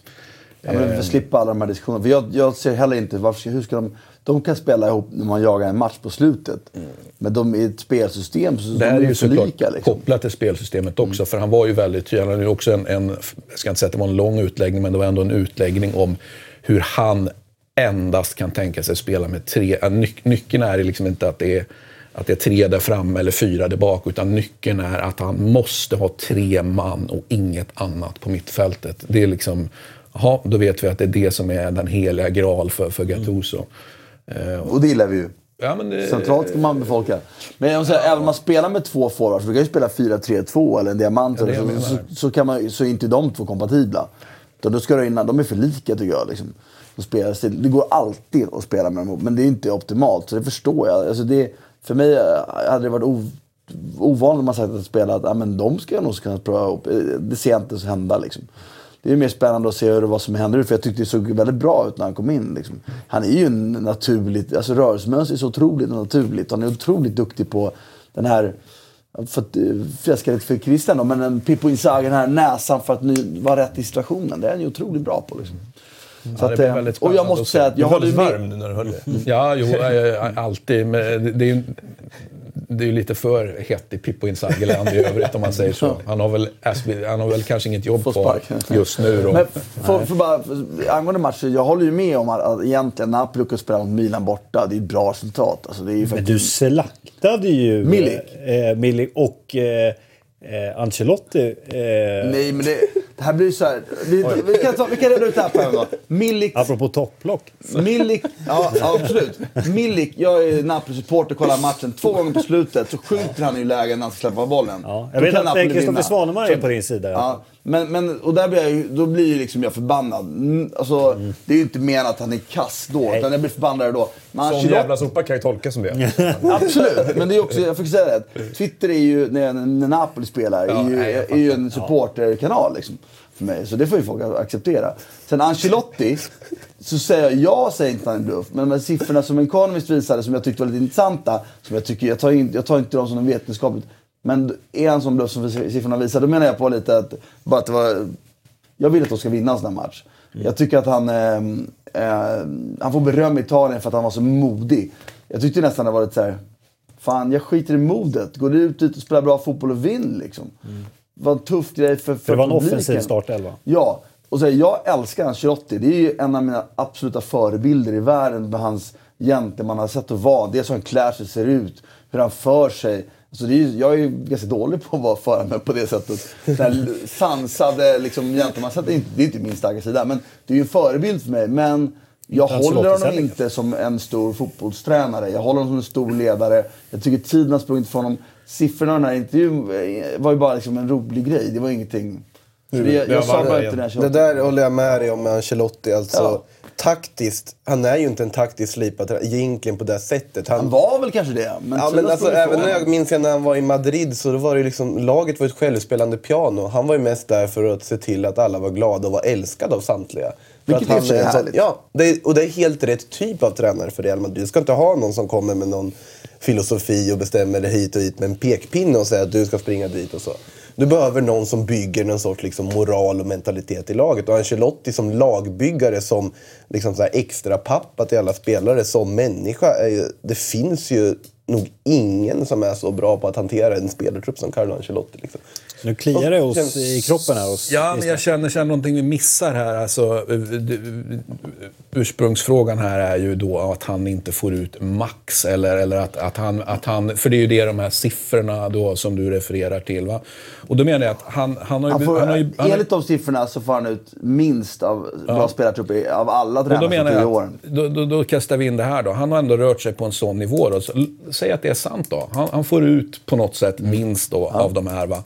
Men han befinner sig ändå i en situation där, där en, en, en, en supermajoritet helt enkelt av tränare som skulle kunna sitta där hade blivit kastade ur sadeln.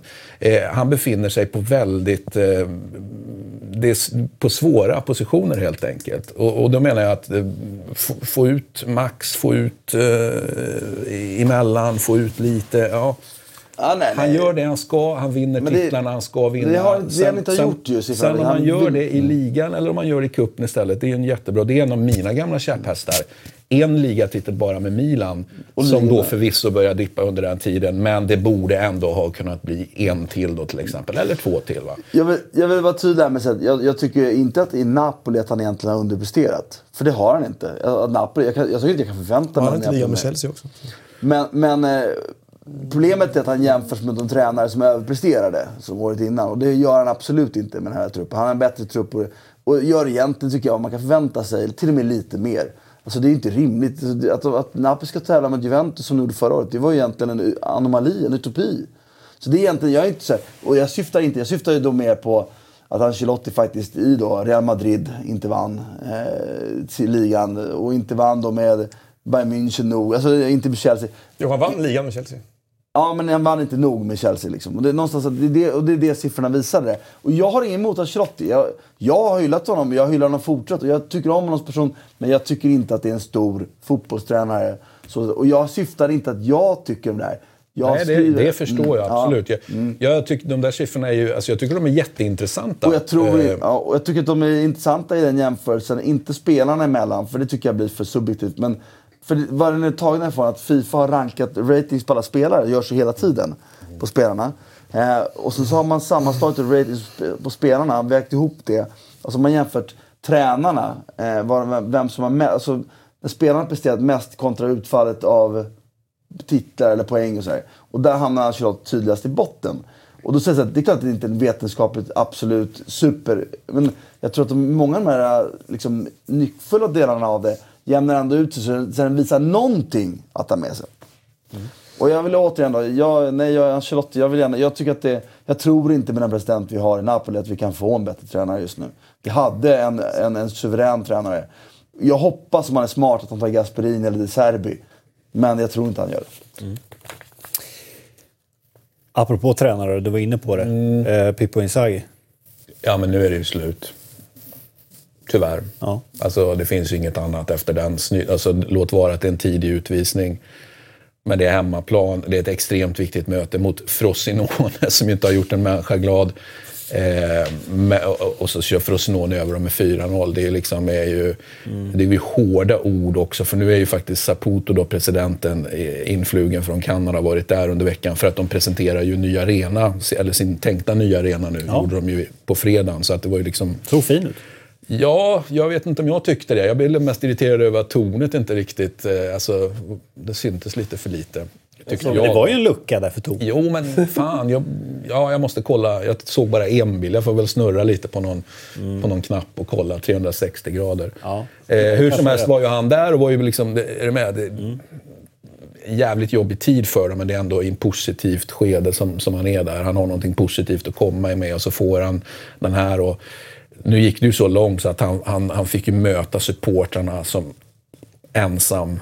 Alltså ingen sportchef, ingen, ingen, utan han ensam går ut och tar supportrarnas vrede efter, dels efter presskonferens såklart, där han har väldigt hårda ord och beskriver ju eh, och det är ju viktiga ord det här på italienska. Han beskriver ju faktiskt Bologna och spelarnas insats som en synd.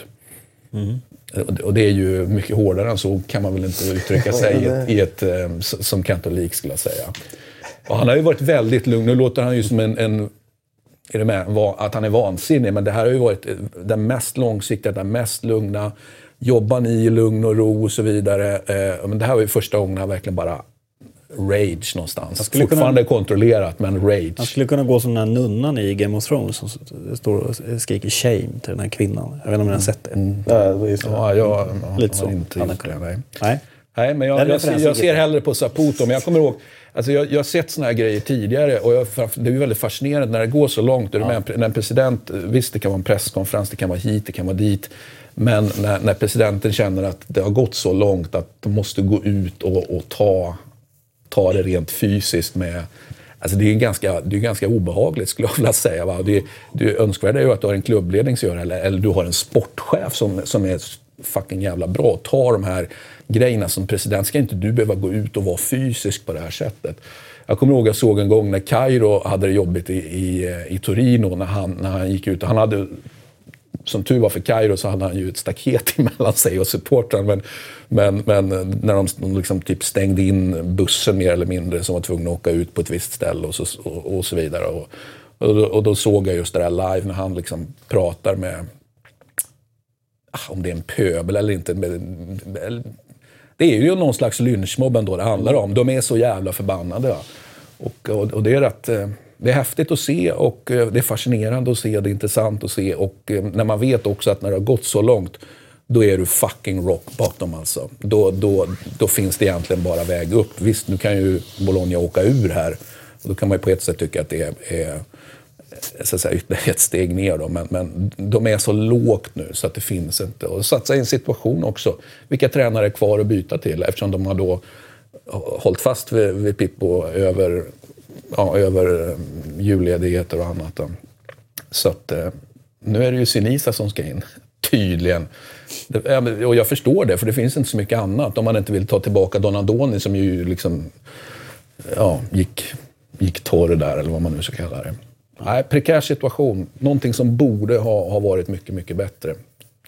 Men så är det när man inte sätter sin klubbledning och sin sportchef. Han betalar ett högt pris, Saputo, nu måste jag säga. Det drabbar ju ingen fattig då i och för sig, men Nej. Men eh, spännande arenaprojekt i alla fall. kan alltid glädjas åt. Alltså, det skiter jag just här och nu i faktiskt. Men det, det är ju såklart ja, det kommer att bli tufft för dem. Det blir ju en pusselbit i, i härjet kring Bologna såklart. Va? Hur, hur den hanteras. Det är jämnt hit och tabell dit. rent generellt. Och jämnt där nere. Det är också jämnt. Jag med, notera det här. Torino är faktiskt bara fem poäng från Champions League-plats på tionde plats. Sassuolo sex poäng. Men det, och det är många av de här lagen jag tycker ändå har, har, ser ganska bra ut. Det var det var Lazio var ju i spelet igår riktigt, riktigt, Ja, riktigt väldigt bra. bra. Väldigt Ja, bra. men nu är vi på 0-1-7 i de här mot, Ja. mot de andra topplagen, det Är det vill? Europalagen. 0-1-7 då. Ja. Jo, det kan Så man att- inte argumentera mot fakta. Däremot kan man konstatera att gårdagens match så förlorar de eh, inte på att tränaren gör någonting. Utan de förlorar på att de inte har en tillräcklig... Alltså spelarna är bättre i Juventus. När tillfälle ges tar de chansen. För att som tränar matchen så, så är gör ju... Alltså fan, de är ju så bra. De spelar ju skjortan av... Nej, det ska jag inte säga. Men de spelar verkligen... Alltså, jag har inte sett Klart, Juventus- men klart bättre. Juventus Ja. har inte varit i brygga på det sättet. Ett Juventus som förvisso roterar lite, prövar lite. Allegri läser matchen perfekt. Han har en bänk som ingen annan är i närheten av. Cancelo alltså, är ju en av, om inte världens bästa ytterback så är en av dem absolut. Spelar ytter när han kommer in. Det är sjukt vad som hänt med honom i Italien med tanke på minst man såg honom i Valencia. Liksom. Bara en vilsen själ som sprang omkring där på högerkanten. Och... Men han var bra Mendes vår vinter och sen så var han jävligt bra. Men alltså, spelarna har väl pratat om det här själva i Lazio. Att just det här med att vi... vi eh, nu gör man inte det i den här matchen, men ändå att man, man, man chokar mot storlagen. Eh, Men vad är Men show? det var väl ingen choke? Nej, inte alltså, det var ju... Nej men alltså jag säger, det är spelarna är själva en- pratar ju om. Men det är ju ändå, jo men så är det ju, så, så är det ju faktiskt. Och inte, inte efter den här matchen, jag har inte läst Nej, så mycket exakt. efter. Men inför förra här matchen eh, så var det ju Immobile som, eller mitt emellan matcherna som pratade om det där att vi, alltså, vi, vi, bor, vi borde, eller det, det som hade varit viktigt var att vi hade visat mera personlighet och mer karaktär. Eh, och det kan jag tycka Alltså, och, och, och höra det, det, det låter ju så på lite, i lite olika klubbar eh, och lite Ofta olika spelare och lite olika tränare. Men just att höra den hela tiden, att, att det saknas karaktär och personlighet och man upprepar det som någon slags mantra i någon förhoppning om att det bara ska helt plötsligt trilla på mig personlighet då, eller, eller, eller Mm. karaktär. Jag, jag blir... Jag blir liksom också förbannad när jag hör det där hela tiden. Alltså, det är bra att du, du erkänner dina, ditt misstag. Du borde ha visat Fast mer det där är ju inte ett erkännande misstag. Det där är ett skyll, flytta skulden. Immobile pratar om, men han är inte bra nog. Igår. Ja, men det är väl han ganska bra? uppenbart att han inte är bra nog. Nej. Vilket, vilket, är absolut, han han, han är ju inte... Alltså, sen kan han göra Du såg ju 35 mål om han vill. Chansen igår. Nej, till 2-0 ja. Han ska ju sänka, då, Det är- Han kan stänga den matchen. Ja. Men han gör inte det. är bra, Ruganis försvarsspel är sådär. Mm. Immobile helt ensam, måste göra mål.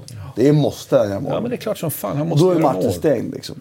Så att det är klart att han kommer prata om att det är mental choking. Säger, han vill ju flytta fokus på att han är för dålig. Liksom. Mm. Jag menar, alltså, titta på antalet misstag som liksom Juventus gör också i försvaret i den matchen. Jag, Ja, jag tycker inte alltså, det ser bra ut. Nej, men alltså, det är så här, och när, sådana matcher kommer ju för alla lag. Det kommer ju finnas matcher där exempel försvaret inte är på topp, så är det ju. Men Lazio måste ju utnyttja de alltså, gratischanser man får också. Sen, Eller skaffar sig också. jag skaffar sig naturligtvis är det både och, men ändå. Det, Alltså det, det finns så mycket i den här matchen. Jag, jag, jag, jag vill bara stanna vid prestationen Lazio. Jag tycker det är riktigt, riktigt bra. Jag tycker många spelare, Sergej ser ju bra ut på riktigt. Luis Alberto gjorde sin bästa match på hela året. Eh, jag tycker att Korea är ju sådär, när han går förbi några gånger där. Nu sitter han ju. Alltså, nu Ja, sit, nu sit, han kommer ju tyvärr inte vara på den nivån. För hade han varit på den nivån hela tiden hade han aldrig hamnat. Alltså, han har varit så otroligt bra i, i Sevilla i vissa... Men som vi pratade om innan, i Italien är nyttan av den typen av spelare större tycker jag. När det är mer låst så behöver du oftare ha den här typen som... Han kan ju... Alltså, vi, han skojar ju med de här backarna var Liksom. Så bra är han ju faktiskt. När han är som bäst. Så det är mycket är riktigt, riktigt bra Lazio. Jag tycker också eh, valt att spela med en eh, med fyrbackslinje var väldigt bra. Det mittfältet, alltså Parole, satt och verkligen... Vi är större. Men jag, jag tycker verkligen så. Det är klart man kan... Det, det, det är fakta. De har tagit poäng på topplagen. Igår drar jag slutsatsen av att de gör inte det för att spelarna individuellt sett är inte lika bra som Juventus. Och då kan man fråga sig, Och då är det inte rimligt heller. Var hamnar, liksom, okay, var hamnar skulden då här? Är det rimligt att de skulle gå efter en bättre forward än Immobile? Vem är det? Vad kostar han? De har ju liksom- verkligen inga pengar. Nej, jag menar det. Så här, vad, vad är Lazios rim- rimlighet i, i vilka spelare de har att röra sig med? Så att det går kanske inte att kräva så mycket mer än så här. Nej, och, jag tyck, och, då, och det landar jag i så här, att Simone Inzaghi är, gör ett enastående bra jobb i den här klubben tycker jag. Pochettinos ersättare i Spurs då? Ja, eller Juventus nästa steg kanske. Tror han, tror han Juventus... För jag, tror, jag tror inte att liksom Gasperini är ingen Juventus-tränare, Serbi är ingen Juventus-tränare. En Juventus, Simone Inzaghi är som han spelar en Juventus-tränare, tycker jag. Sen tycker jag att man ska vända på att Juventus visar... Dels så prövar han ju Allegri som han alltid gör. Vilket jag, Han är ju helt otrolig på... Alltså, nästan hans, för mycket. Hans form, om det nu är en formtopp han har nått, men just i att, att, att vända och vrida under match och, och, och sätta byten. Han är ju- missade ju helt på Emre Can, det får man säga. Ja. Jag tycker att, att, att eh, han läser matchen helt perfekt när han tar in Bernadeschi och tar in Cancelo. Alltså, han gör ju alla rätt Mm. därifrån. Men han säger också i intervjun efteråt, vi var dåliga delvis på grund av mitt fel. Jag valde, tog fel beslut. Så här. Det som jag är orolig för Juventus är ju två saker man slås av. Det ena är, jag tycker ju inte att backen är bra nog. Och det är okej om du spelar som Barcelona eller Real Madrid eller PSG där du attackerar. Men Juventus backbone är ändå en stabilitet. De kan vinna Champions League på att stabiliteten finns där. Jag är orolig för... Bonucci har jag alltid varit lite orolig för. Eh, han funkade bättre när det var Basali och Chiellini. Basali är ju inte bra nog längre. Och jag är lite orolig för Bonucci då, att han ska hålla... Och Rugani är ju inte bättre defensivt och Rugani är ju sämre offensivt. Rugani har ju svårt tycker jag eh, att hinna med flytta fötterna när det är bra spelare. Och då undrar jag så här, då är det bara Chiellini. Igår blev priset ännu högre därför att Pjanic inte var med och mittfältet fungerade inte alls. Vilket är den andra frågetecknen man har. Alltså, kan, ska man verkligen vara så Pjanic-beroende? Och det ena, att släppa Benatia, eller, då måste man förstärka mittförsvaret. För Pjanic går inte att ersätta. Det går inte att hitta ett komplement till honom.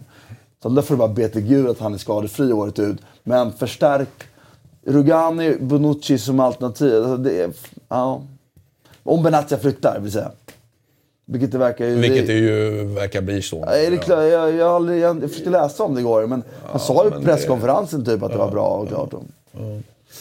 Så att det, det blir liksom det dubbla bu- bu- budskapet. Juventus, jag lägger ju allt rätt sen han väl vill det, men det finns saker som antingen måste de här spelarna steppa upp. Annars tror jag inte, annars får de svårt att vinna CL alltså. Tror jag. Vad säger vi om Inter då, som torskar mot eh, Torino? Att han ska lämna. Det är ju så. Alltså, han, han, eh, han måste ju göra det här bättre. Vad, alltså, som Ja, Inter-supporter håller så ska man ju vara så jävla För det besviken. var en insats. Det, det, det, så, det ser inte bra ut. Alltså. Det gör ju inte det. Och nu, är han ju inne, nu kan man inte skylla på att han är med precis har kommit dit, för det har han ju verkligen inte gjort. Utan han, han, han, han var ju där i fjol också. Och, och, det, och det går ju... Eh, jag ska säga utvecklingen just nu känns som att han går åt fel håll på, på många positioner om, i, i lag. Men inte lämna här och nu menar du väl? Nej, nej, alltså... Att de är trea i ligan och Champions League. Ja, man måste, men, men, Men alltså, de det är är redan... inte en långsiktig lösning, nej. Han, han, han alltså, med ett inspelat och, och bättre spelarmaterial så presterar han bättre, eh, sämre poängmässigt än vad han gjorde i fjol, då, hittills i alla fall. Det är ju, det är ju ett sånt jävla underbetyg så det finns inte. Eh, Jag, måste säga att jag, jag tycker han är bedrövlig. Liksom, vad är egentligen Spallettis USP? Vad är det han gör? Nu körde han en 3-5-2 igår. Eller vad så han startade i alla fall. Och han, det känns som att han famlar liksom och, och eh, vad är hans grej egentligen? Jag hittar ingen grej. Ja, Det var tydligt, när han, Udinese Alltså- och Ro- Roma första vändan så var det tydligare att det här vertikaliserade, han var ju liksom, låg i framkant på det liksom. Men det är ju, tiden har ju sprungit om honom också. Ja, jag tycker verkligen han känns trött och... och, och jag menar, säg någon spelare som han utvecklar, om man bara tar ett sånt enkelt mått. Är det någon spelare överhuvudtaget som mår bra av hans handpåläggning sen han kom? Jag kan inte, jag, jag kan inte komma på någon sådär på rak arm som säger, men kolla här, han har blivit eh, bättre under, under Spalletti. Eller kolla, Brozovic kanske? anfallet har blivit bättre. Brozovic? Ja, Brozovic eh, har ju exploderat, men det beror ju bara på Brozovic. Ja, det är kul att se, om ni såg det igår, när Brozovic var inne i en duell där, han blev så förbannad på någon spelare. Och går sen när Sparetti kommer ut och skäller till Brozovic, springer fram till Brozovic och liksom, håll dig undan typ. Liksom, Inga dumheter nu. Ja, nej, men det, det, det, det är oroväckande, för ett, alltså, även för ett italienskt fotbollsperspektiv. Absolut, för Milan och Inter måste ju igång då. Och, och eh, fan, jag ser inte att, att Inter går igång här på... Men ändå fem poäng ner till Milan. De borde klara av en Champions League-plats. Och så får man göra ett tränarbyte i somras. Och det kan man väl bara säga att att både du och jag har sagt att Spalletti håller inte, tycker jag. Han tar inte det steget. Och det är väl tydligt nu att han inte måste göra det skiftet, men inte här och nu. Det är dumt att skapa Nej, alltså under oreda. säsong. Liksom. Det, är inte- det, Ta in en gammal stor, skön storspelare som kan lyfta the spirits lite grann. Senga. Vad gör Materazzi från nu för tiden? Ja, Materazzi. Det som är, då är, annars är det återkommande, det är, eller det som jag tänker på här, det är ju att Romas sätt att inte förstärka sin backlinje. Och Karstorp ser bra ut med boll, men håller inte defensivt. Alltså, eller, då, eller Di Francescos förmåga att inte skola en backlinje. För, men det, det, det, nu har vi sett det här så många gånger så att det... Olsen fick mycket kritik. Så jag. Ja, det är ingen superinsats, men jag kan inte heller riktigt lasta honom. Så här. Första målet ser inte otagbart ut, sista målet ser inte otagbart ut. Men ingen är väl så supertavla heller, eller? Det tar ju ändå på Manolas sista målet, som ställer honom. Och nicken där, det är klart att det kommer från nära håll. Det känns som att man borde kunna ha snabbare reflexer, men... Men det är inte uppenbarligen så att han slänger in bollen. Ja, men nej, det är det inte. Men han, han är ju å andra sidan inte bra. Hade det varit Alisson där så hade ju de kanske räddat det här. Och så, Men det är två tydliga besked där. Inför matchen var ju Gasperini just att han, han ville, det här är matchen som visar vad vi är för någonting. Det har varit mycket prat nu på slutet om att de ska kunna utmana om den fjärde platsen och faktiskt kanske till och med knacka på Champions League-dörren då, va? Eller öppna upp den. Eh, och, och där tycker jag vi fick besked både om Atalanta och om Roma här. Alltså Roma fick vi beskedet att det blir nu har det varit lite positivt ändå på slutet. Det har varit något enstaka resultat som har gått med. Sagnola har slått igenom. Är med? Livet har lekt i alla fall lite grann. Eh, och så är man tillbaka i den här skiten. Liksom. Så, att, så att Roma här och nu är ju inte bättre än så här. Jag kan inte se det på det finns en, det finns en lång väg att vandra. Även om man kan se glaset eh, halvfullt då, istället för halvtomt då, i det här Monchi-projektet. Eh, som du ändå är. Eh, och sen Atalanta. Ja, att man låter Roma gå upp till 0-3 Alltså oavsett att man nu tar sig tillbaka, det är ju fantastiskt starkt att göra det. Men att du låter då en- i en sån här sanningens ögonblickmatch motståndaren gå upp till 3-0, det säger också någonting om att ja, det kanske är Europa League snarare än Champions League. Jag, vill också, jag håller med dig om att båda två, de, men man måste säga att Atalanta ändå över en hel match faktiskt är bättre än Roma. Och det tycker jag ändå är något slags styrkebesked. Det är inte ett lag. Jag hoppas inte att de går till Champions League för Italiens skull, för att de har ingenting där att göra. Men det är ju ett fantastiskt projekt. Jag tycker det är otroligt bra gjort. Och Pape Gomes är ju... Ja, han är så fin fotbollsspelare. Och, så, alltså, och, och det andra, andra då, att Roma ska ta med sig någon positiv grej så är att Edin Dzeko faktiskt var ganska bra. Och den spelartypen behöver komma i form nu. Och Zaniolo gör två assist, varav båda två tycker jag är riktigt fina. Liksom, med bröstet den första och chippen. Så. Men det är väldigt lätt att vara så här efterklok och sitta här nu och säga att man såg det komma. Men om man tittar på Romas transferfönster när de värvar alla dessa spelare. Jag vet inte, var det 12 till slut? Eller vad det var. Eller om det var 13. Jag, jag, 13, något sånt. Ja. Men titta på alla dem du tar in. Alltså det är ju ingen som egentligen lyfter Roma till en nästa nivå, en högre nivå. Utan du värvar spelare som i princip bibehåller Romas nivå på något sätt. I bästa fall. Som du kan på något sätt göra en profil Eller på Det sikt kanske Ja, lyfter. eller på sikt. Istället kanske, om du ska sagt, sikta på någonting ännu högre, då värvar du istället för att värva 12-13 spelare som håller dig på den nivån eller kan utvecklas, så värvar du 3-4 spelare som tar dig till nästa nivå. Och det är det här jag menar, jag var inne på förut med att Monchi, inte passar i ett lag. Om man agerar på det sättet. I ett lag som vill vinna titlar. För det där är liksom någon sorts bibehållande av nivån och du... Ja, det var bara, bara den jag Nej, men så här långt har ju Monchi och Roma gått minus i det avseendet. Samtidigt behövdes ju renoveras. Han har ju bytt ut, eh, och jag, sett, jag personligen underskattade det. Jag var länge in i hösten besviken på att det för Cesco inte får ihop det bättre. Men jag håller med. Ju mer man landar i att de tog bort stommen. Stommen behövde bytas ut. Det var bra att de tog bort stommen. Mm. Stråtman var gammal, skadebenägen, Nangolan var lite oros... Alltså, men eh, svaret på din fråga där blir ju hur, vad som händer härnäst. Blir det ett nytt fönster med 7-8 spelare, ja, då blir man ju orolig. För då är det verkligen, då är det bara trigger Ja, happy. men för det verkade ju som att man nästan värvade bara för att Romas Twitterkonto skulle ha något att göra i princip. Och bara, bara gå igång. De värvade till och med spelare som de inte värvade. Ja, ja, Malcolm var ju där. Ja, jag. Men vi fick ju, apropå besked, vi fick ju ett, det var ju ett råstarkt besked. Och det, dels var, blev det ju väldigt tydligt negativt eh, besked för Bologna, men positivt ändå för Frosinone som, som kanske då sprattlar här, vilket ju är ändå spännande att man gör. Eh, sen fick vi ju ett jättestarkt besked. Vi hade ju ett, eh, vi hade ju ett derby där. Eh, Spall, Parma-Spall. Mm. Det såg jag inte Också komma. en av de här matcherna som vände. Och nu, Spall hade ju inte vunnit på hundra år. Och, vinner Parma hade 2-0. 2-0 va? Mm. Inglese ja, 2. och, och, och de vänder. Det är ju, det är ju råstarkt. Spall och, med eh, mittfält med Kurtic, jättefin högerfot ju. Valdifiori och Misiroli. Det känns inte som ett Serie A-mittfält i ett bottenlag direkt. Nej, men eh, och, och samtidigt så är det två av de här på väg. eh, Det har ju till och med varit prat om att Kurtic skulle bort. För alla de tre du nämner är bra. är ju bra, men pratas ju om att, att de eventuellt faktiskt är på väg därifrån. Alltså, Så, att, så att det, det, det, det Mm. de känns tre lite tillsammans oroligt. känns ju väldigt felbalanserat på förhand. Liksom. Ja, ja men spännande. Och de gjorde det också. De hade eh, stora delar av sin, sin eh, vanligtvis fina trebackslinje borta där. Både, både eh, Cionek och, och, och Vicari var borta. Så det var en stark insats även i det avseendet. Så att, eh, häftigt då att de fick lite...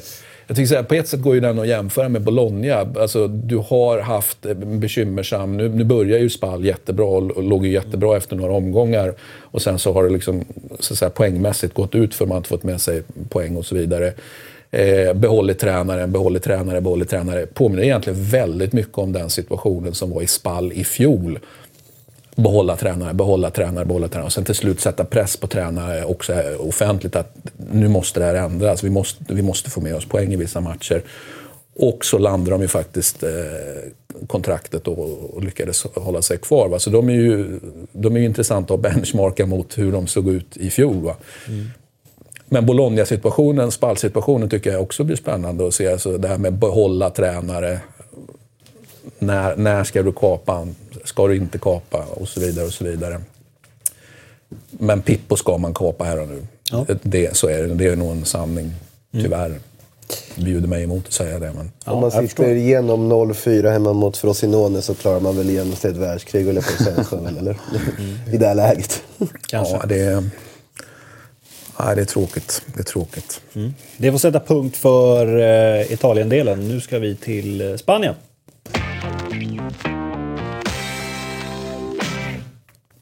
Ja, vad är klockan?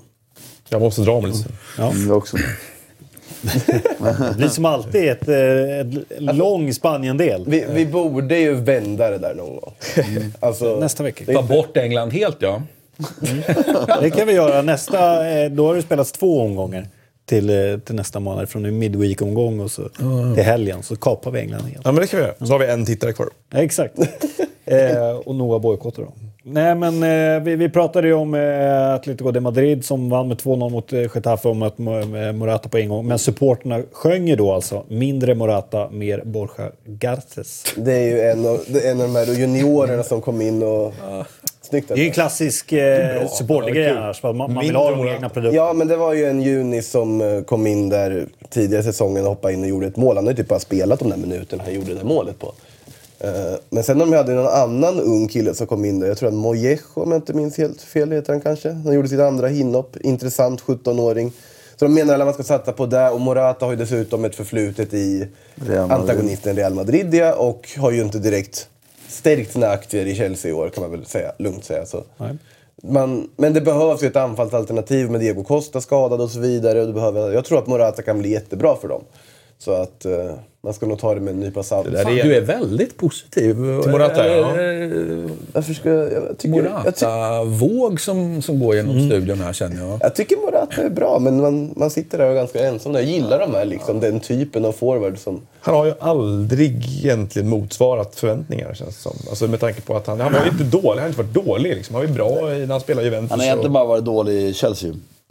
Alltså, han, han var, det. Han var ganska viktig i Madrid när han spelade där på att han kunde komma in och ändå göra ett mål eller ändra en match. Jag är När fortfarande man i- hade honom och James och så vidare du kunde kasta in. Det var jätteviktiga komponenter. Sen var det Morata som ville dra, för han ville ha en helt annan nivå. Ja, men jag menar, det, Men både, det är ju, både det, han är ju en där... jävla inhoppare. Exakt! liksom. Både där och är- Juventus har han spelat en liten Men vad, är det biroll. för, men vad är det för roll han ska ha i Atletico då? Jag vet, han kostar ska ju hur inte mycket som peta. Griezmann. Det var det som var grejen med Chelsea också, att det, var, att det lades liksom pengar på honom som om han vore en av världens bästa anfallare. När han i själva verket har varit en Ja, en alltså- riktig lyx-backup liksom. Men Ja, alltså lyxbackup pengar- är fel ord, för han är ju en riktigt bra inhoppare. Han för han har ju matchbilder, spelar från start då Han och är en då. riktigt bra inhoppare, jag håller verkligen med. Han är ju jättebra som Och bra spelare vissa matcher. Jag menar... Men ge honom 90 och han dör. Nej men vadå, det är ju, pratar du om ett lag som Atletico Madrid så ska ju de ha, kunna ha någonting mer alternativ. De behöver ju någonting. Ja, men visst. Ja, men det, och det Och han, att han, Simeone tror jag kan vara tränartypen det tror jag också. Det, kan, det, det ger jag också. Men ser- däremot det här med, med som, hans ställning i fotbollseuropa. Det var, vi pratade om det även när han gick till Chelsea. Att den var för mig väldigt sådär tecknad Ja, men utifrån alltså, en de- önskebild om spelaren Morata. mycket Ja, ja, de pengarna man betalar var ju totalt överpris, så är det ju såklart. Jag trodde fan det att han skulle lyfta under. Sarri ändå.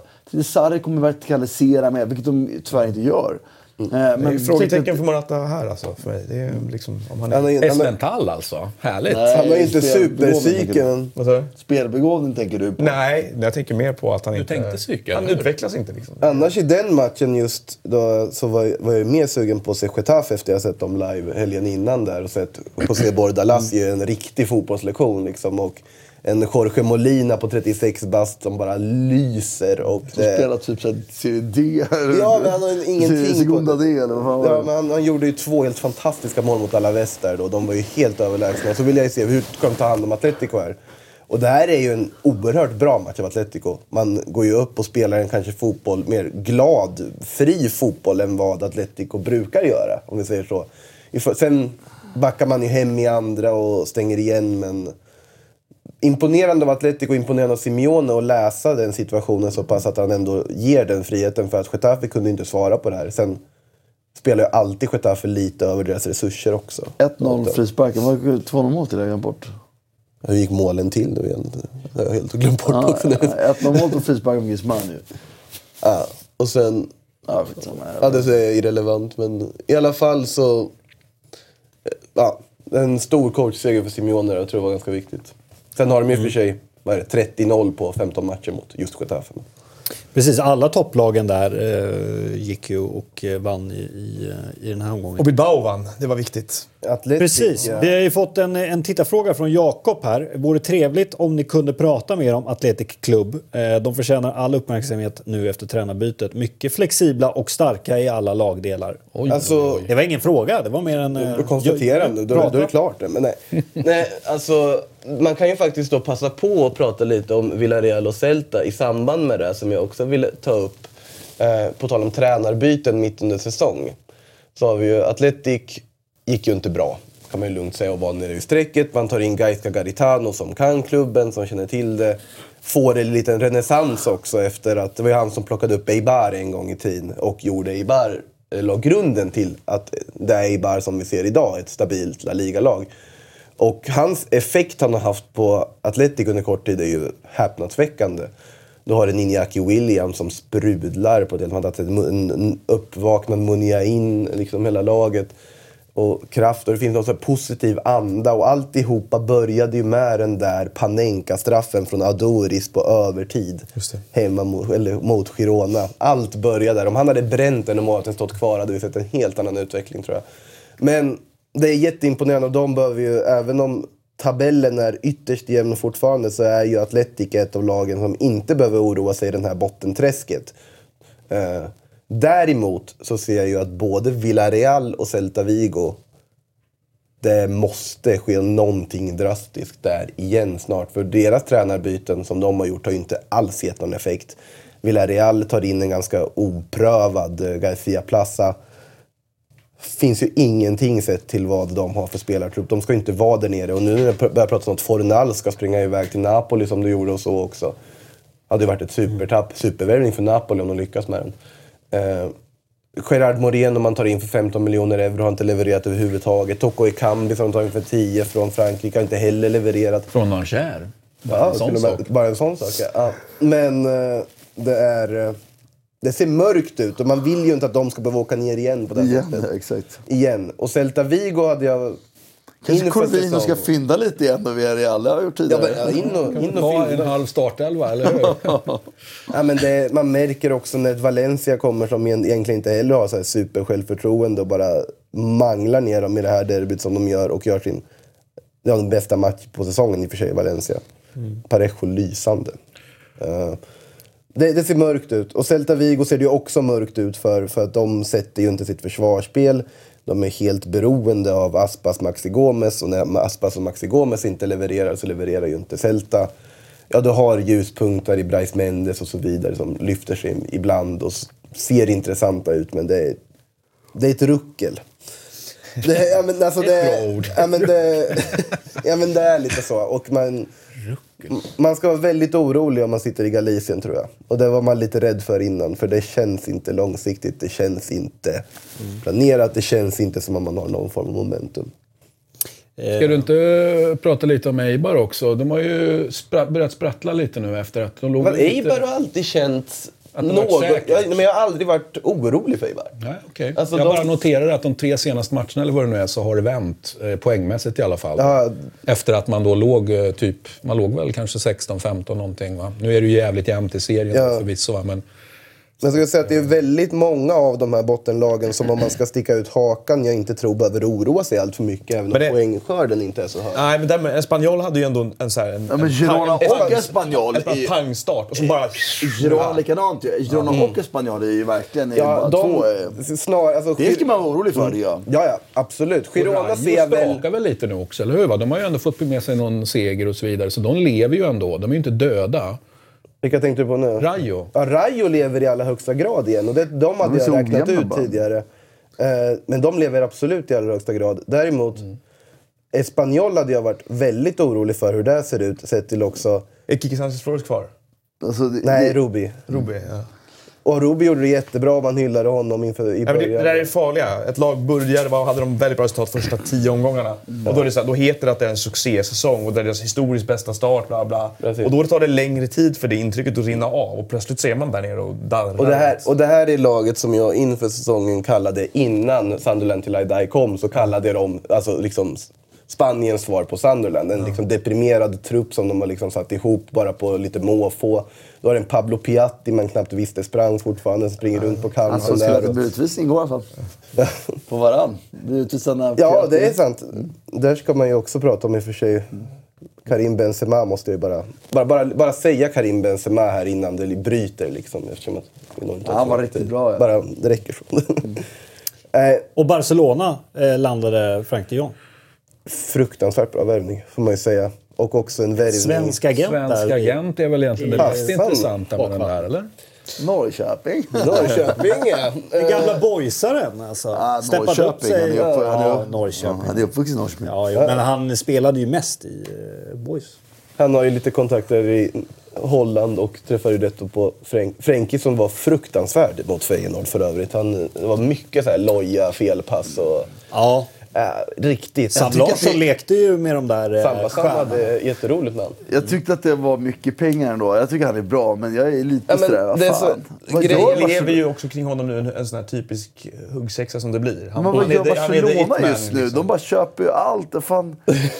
Okej att jag tycker att Real Madrid underinvesterar och det grövsta, men nu kan jag säga att Barcelona över, överinvesterar Alltså, det, men Barcelona börjar man ju fundera, alltså till att börja med, Paulinho-värvningen var ju uppenbart att det där fanns ju en långsiktig plan. Han skulle ju till Kina om ett år. Den fanns. Men den löste de ju bra. Det löste man. Det vi var utmärkt Boateng på alla också? sätt och vis. Boateng har ju jag en liten misstanke om att han kommer ju inte vara kvar i Barcelona. Nej, det känns... Men det var väl lösa för att eh, Moni gick till, till Valencia? Eller vad gick Jo, men då finns det ju andra alternativ att ta in en 32-åring. Nej, men vet du vad, det Kevin tyckte jag var, det var en billig lösning. Eh, Det var inga 800 miljoner som skulle ut, liksom, utan det var en billig lösning. Han är spelintelligent, spelteknisk, en fysisk nia. Det är inte så många tillgängliga. Men hur jag. mycket, alltså... Och dessutom finns det väl en, en agentförklaring här om jag förstår det hela rätt. Där, Ja. där, där Snabbt agentkopplingen smidigt. också agentkopplas till, till, Tjänster och gentjänster. och så vidare. Ja, och, och, det, och det var en snabb och smidig lösning. Den, den, den typen av lösningar tycker jag ju om när man löser någonting. Liksom, man kan inte lägga tid på att jaga en avbytare till eh, Suarez. Och man har inte har någon underifrån. Det, det tycker jag var smidigt. Och jag tror att det här kanske blir skitbra. Men, jag Men det här är ju en orolig. värvning som på ett helt annat sätt än de värvningar Barcelona har gjort på sista tiden. Alltså andas det liksom Barcelona-DNA på något sätt. Det är en värvning som med en spelare som spelar på det sättet som väldigt många Barcelona-supportrar i alla fall vill se Barcelona spela. Den typen av spelare man vill ha i laget. Artur som har kommit tänkte säga det, Artur de varit. plockat. Men fatta ett mittfält med Artur, Frenkie och Busquets. Alltså, det låter jättebra på pappret. Ja, men jag, det- ja, jag är tycker bara att steget från där han är nu till att gå in och spela ordinarie i det Barcelona, som Barcelona som faktiskt är... är, då är Okej, ska han dit sommar, eller han kommer i sommar. Det innebär ju att Rakitic måste ställas ur. Eh, Vidal måste, eller Vidal som typ är en annan typ. Vidal då. är ju komplement, Det, det, men- det liksom, han är väl inte alls poängspelaren som Rakitic till exempel? Alltså han Men Rakitic spelar är en annan typ, men Ja. Rakitic är ju inte heller den... Alltså, Då han är pengar, han är ingen bra. poängspelare i Barcelona. Han är ju sittande mittfältare. Han har gått ner som mittback ibland i en... Uh, Han gör väl ändå en del mål emellanåt? Han kan skjuta. Den här killen, ja, men den här killen har väl Ja, men det ingenting är, av sånt. han, den rollen så kommer, det, det är den positionen de konkurrerar om. Som, som sittande mittfältare, eller spelande mittfältare, spelmotorsmittfältare. Ja, Liksom. Ja, precis. Sen, det- sen, om du har Messi så behöver du inte ha mittfältare som gör mål. Men det, det är så här, Men och vad, jag- vad jag är lite Så- orolig för, eller jag är spänd på att se, orolig behöver jag inte heller vara. Eh, för det, det är ju att Barcelona, jag tycker det är så jävla mycket spelare nu. Och det är jävligt mycket bra spelare. Alltså, folk blir irriterade när jag säger att det är den bästa trupp Barcelona har haft. Det är inte den bästa spetsiga trupp de har haft. Men jag kan inte minnas att jag någonsin sett dem med typ spelare 4-5 i positionerna är så pass bra som de är nu. Och nu kommer det en till. Jag bara ser en farhåga i att... Fast det här är ju bättre än dit- av Rabiot som du pratade om innan. Ja. För det hade ju varit liksom... Absolut. Om, om inte man säger såhär, Rabiot är finansiellt sett en bra affär för du tar honom gratis och kan sälja honom vidare. Sånt har, ju, har Barcelona ofta gjort och gjort bra. Liksom. Använt sitt namn för att ta Bosman-spelare och kunnat sälja dem sen och tjänat. Alltså, det, det är en sak som man kan... Men visst, jag håller med. Jag tycker inte att det är en dålig värvning. Jag blir bara liksom inte orolig. Vad, vad, vi pratar nu om problem med, med Dembélé, Suarez, Messi, Coutinho. Det, är liksom börjar bli, det, det blir trångt. Mm. Sen Har, har de finns verkligen det ju... råd med allt det här, tänker jag? Det finns ju också en agenda att man vill ju knäppa Paris på näsan. Efter Neymar. Men det var det jag menade. Det blev ju, jag tror priset på honom Det också. en Det, blev, ju- det blev ju Ja. huggsexa här. Ja, men, Så det de, var ju- men man gjorde ju... På Det här är prestigevärvning. Alla skulle ha honom och de vann. Ja, och man gjorde ju också så att precis som man gjorde med Vidal som var på väg till Inter och gick in och hijackade den. Eller Malcolm som var på väg till Ja. Roma och gick in och hijackade den. här var det också. också. Här var det, ja. Han skulle på lån till Tottenham hörde jag någonting om att det pratades om. Vet, det skulle nog Hej! vara Apropå att prata om Tottenham, det var det jag sa. En bra sportchef ska ju ta sådana spelare. Ta en Du- Malcolm ja. Exakt, vad ska en bra sportchef göra nu i läget när Tottenham spelare? De ska kolla på spelare som är unga. Malcolm var en spelare jag hade i huvudet, jag visste inte som att det var på gång. För det är ju såhär, en alltså, spelare som Men de går ju på överflödet. De har ju gått på PSG till exempel. Barcelona, PSG, men har- för de behöver låna ut sina talanger. För att de ska, för Barcelona ser ju om han är bra Malcolm i Tottenham, han får speltid och kan utvecklas, det höjer deras värde på spelaren. Eller så går man och plockar typ. Typ spelare som måste ställas ur balansräkningen, financial fair play-hänseende eller motsvarande. Eller spelare som blivit utkonkurrerade men lite för dyra kvar. Då behöver man inte ens köpa spelarna. För det var det jag skulle komma in på, att Tottenham behöver inte köpa en spelare. De behöver bara kalkylera på vad kostnaden är för den. Låna ett halvår och, och hyra med, med option. Alltid med option. Om någon är riktigt bra. Och sen så ta över lönekostnaden. Så det, Malcolm är typ bra. Det är ett lysande exempel för någon som nu är intressant för alla klubbar som behöver stärka sitt lag i det här fönstret. För han behöver få speltid för Barcelona. Det ligger i Barcelonas Och han är intresse. helt utanför. Han är helt i Ja, det ligger i från början. Barcelonas intresse att han går någonstans där han får spela. Det här tycker jag är lite intressant också med Malcolm är ett exempel, Higuain ett annat. Det är väldigt mycket, jag vet inte om det bara är en känsla, men det är väldigt mycket sommartransfers som var liksom profilvärvningar i somras. Som nu bara efter ett halvår så bara går på lån någon annanstans och misslyckas. Kolla Michi Batshuayi-lånet i Valencia, liksom. total bara trainwreck. Gelson Martinez också. Gelson Martin så väl drog väl till... Martins heter ja. Gick, Gick till till Mon- Monaco. Ja, precis. Det är väldigt mycket sommarvärvningar som uppenbarligen har varit felscoutade eller inte funkat rätt eller väldigt inte fått chansen. förlåt. Ja, Det ska bli så att, väldigt intressant att följa dem, eh, ekonomin i Barcelona ändå. Så, mm, ja, men Kina-pengarna kommer, det är lugnt. Ja, ja och det det, det, det, vi har just pratat om det omvända, så det är så lust att klaga. Det är så många klubbar i toppfotbollen idag som sitter och inte satsar. Så att egentligen ska vi vara glada för att de satsar. Men nu som Barcelona-supporter tycker jag nästan att vi, vi går på, mot Satsar för mycket. överflödsförbannelse. Och jag är orolig för, finns det täckning för alla de här finansiella... Det kanske finns det. Det finns ju lån och alltihopa också. Liksom. Och jag vet inte, man har ju både Real Madrid och Barcelona har ju väldigt förfördeligt med banker, eller åtminstone haft det tidigare. Fast det tror jag är, alltså just bankerna i Spanien har varit väldigt snälla mot spanska klubbar. Men det kan de inte vara längre för de är finansierade av, av, av EU och krisfonder och grejer. Och så dessutom- den, den, det kommer att eh, bli mindre av Ja, det men det där är bra. Och Barcelona har väl dessutom, om man tittar på den globalisering som den klubben har gjort på sista tiden också. Man tittar på deras aktiviteter i Japan med Rakuten och alltihopa och han, ägaren där. Det finns ju en anledning till att Niesta gick dit till exempel. Och att Via också går till Kobe till exempel, och som är Rakutens lag typ. Uh, och alla kopplingar till Kina med Bartomeu och alltihopa. Det är ju ett lag som mer och mer bygger ett globalt varumärke. Det är såklart det har alltid varit ett globalt varumärke, det är inte det. Men som satsar på ett annat sätt liksom kommersiellt. Ja, och så, eftersom vi har gnällt det- på andra lag så ska man väl vara glad för det. Men så att jag, man, man vill ju gärna se att siffrorna går ihop i slutändan. Alltså nyttomaximerande i all ära, men det får inte vara... Ja. Ja, men man spenderar... Ja. Och då har vi inte nämnt den bästa transfern av alla i det här fönstret. Balotelli till Marseille. Kan vi hitta en bättre mix eller? Det kan ju inte bli annat än det är- kaos eller fantastiskt. Det är... Kaos i kaos. Blir bra. Man önskar nästan att Bielsa säger upp sig på studs och åker ner för att ta hand om det där nu. Det hela det laget. Minus och minus Eller- plus. Va? Så att, eh, det borde det sitta. Det är ju det är ju en fantastiskt rolig värvning. Ja, det, Ja, den är härlig. Charmigt gjort. Henry rätt fick säger. doja. förlåt? Henry fick doja. Ja, vad- ja alltså, det var ungefär lika tråkigt som med Pippo. Och Jardim kom tillbaka? Men det var väl ganska... Ja, hur, hur ska han inte kunna få gå då? När, men det var väl kanske fel att släppa Jardim från början. Det var väl... Det, det väl kanske om vi nu ska... Alltså Jardim går ju vinnande ur där. Han är ju ett, alltså, ett geni på Att alla han sätt. fick liksom. vara orörd så länge undrar jag. För det var ju många klubbar tagit unga bra spelare, utbildat dem och gjort högre värden. Det borde alla vilja ha. League-semifinal. Men du får ju också en Jorge Mendes på köpet. Men det borde, det, många är ju rädda, liksom, är redo att sälja sig till djävulen för det. Liksom, för att få Det finns ingen som är så positiv till Mendes som... Nej, jag, alltså, så här, han, är, han gör ju fantastiska saker. Alltså, Wolves gör en fantastisk resa, är det inte det? Entreprenör och att så här, välgörare och filantrop. Nåväl. Hörni, Som person skiter jag i. Jag bara tittar han, gör han lyckas ju väldigt bra med det han gör. gör han Vad är vi på då? 10K. Oj, nu tog jag till 5K. minus, minus två Oj, oj, nu måste i jag gå. grader. Alltså minus två i grader. Jag måste åka nu. Jag är Vi eh, har 10 010 eh, prenumeranter. Härligt, det firar vi nästa vecka. Jävlar, jag skulle dragit vid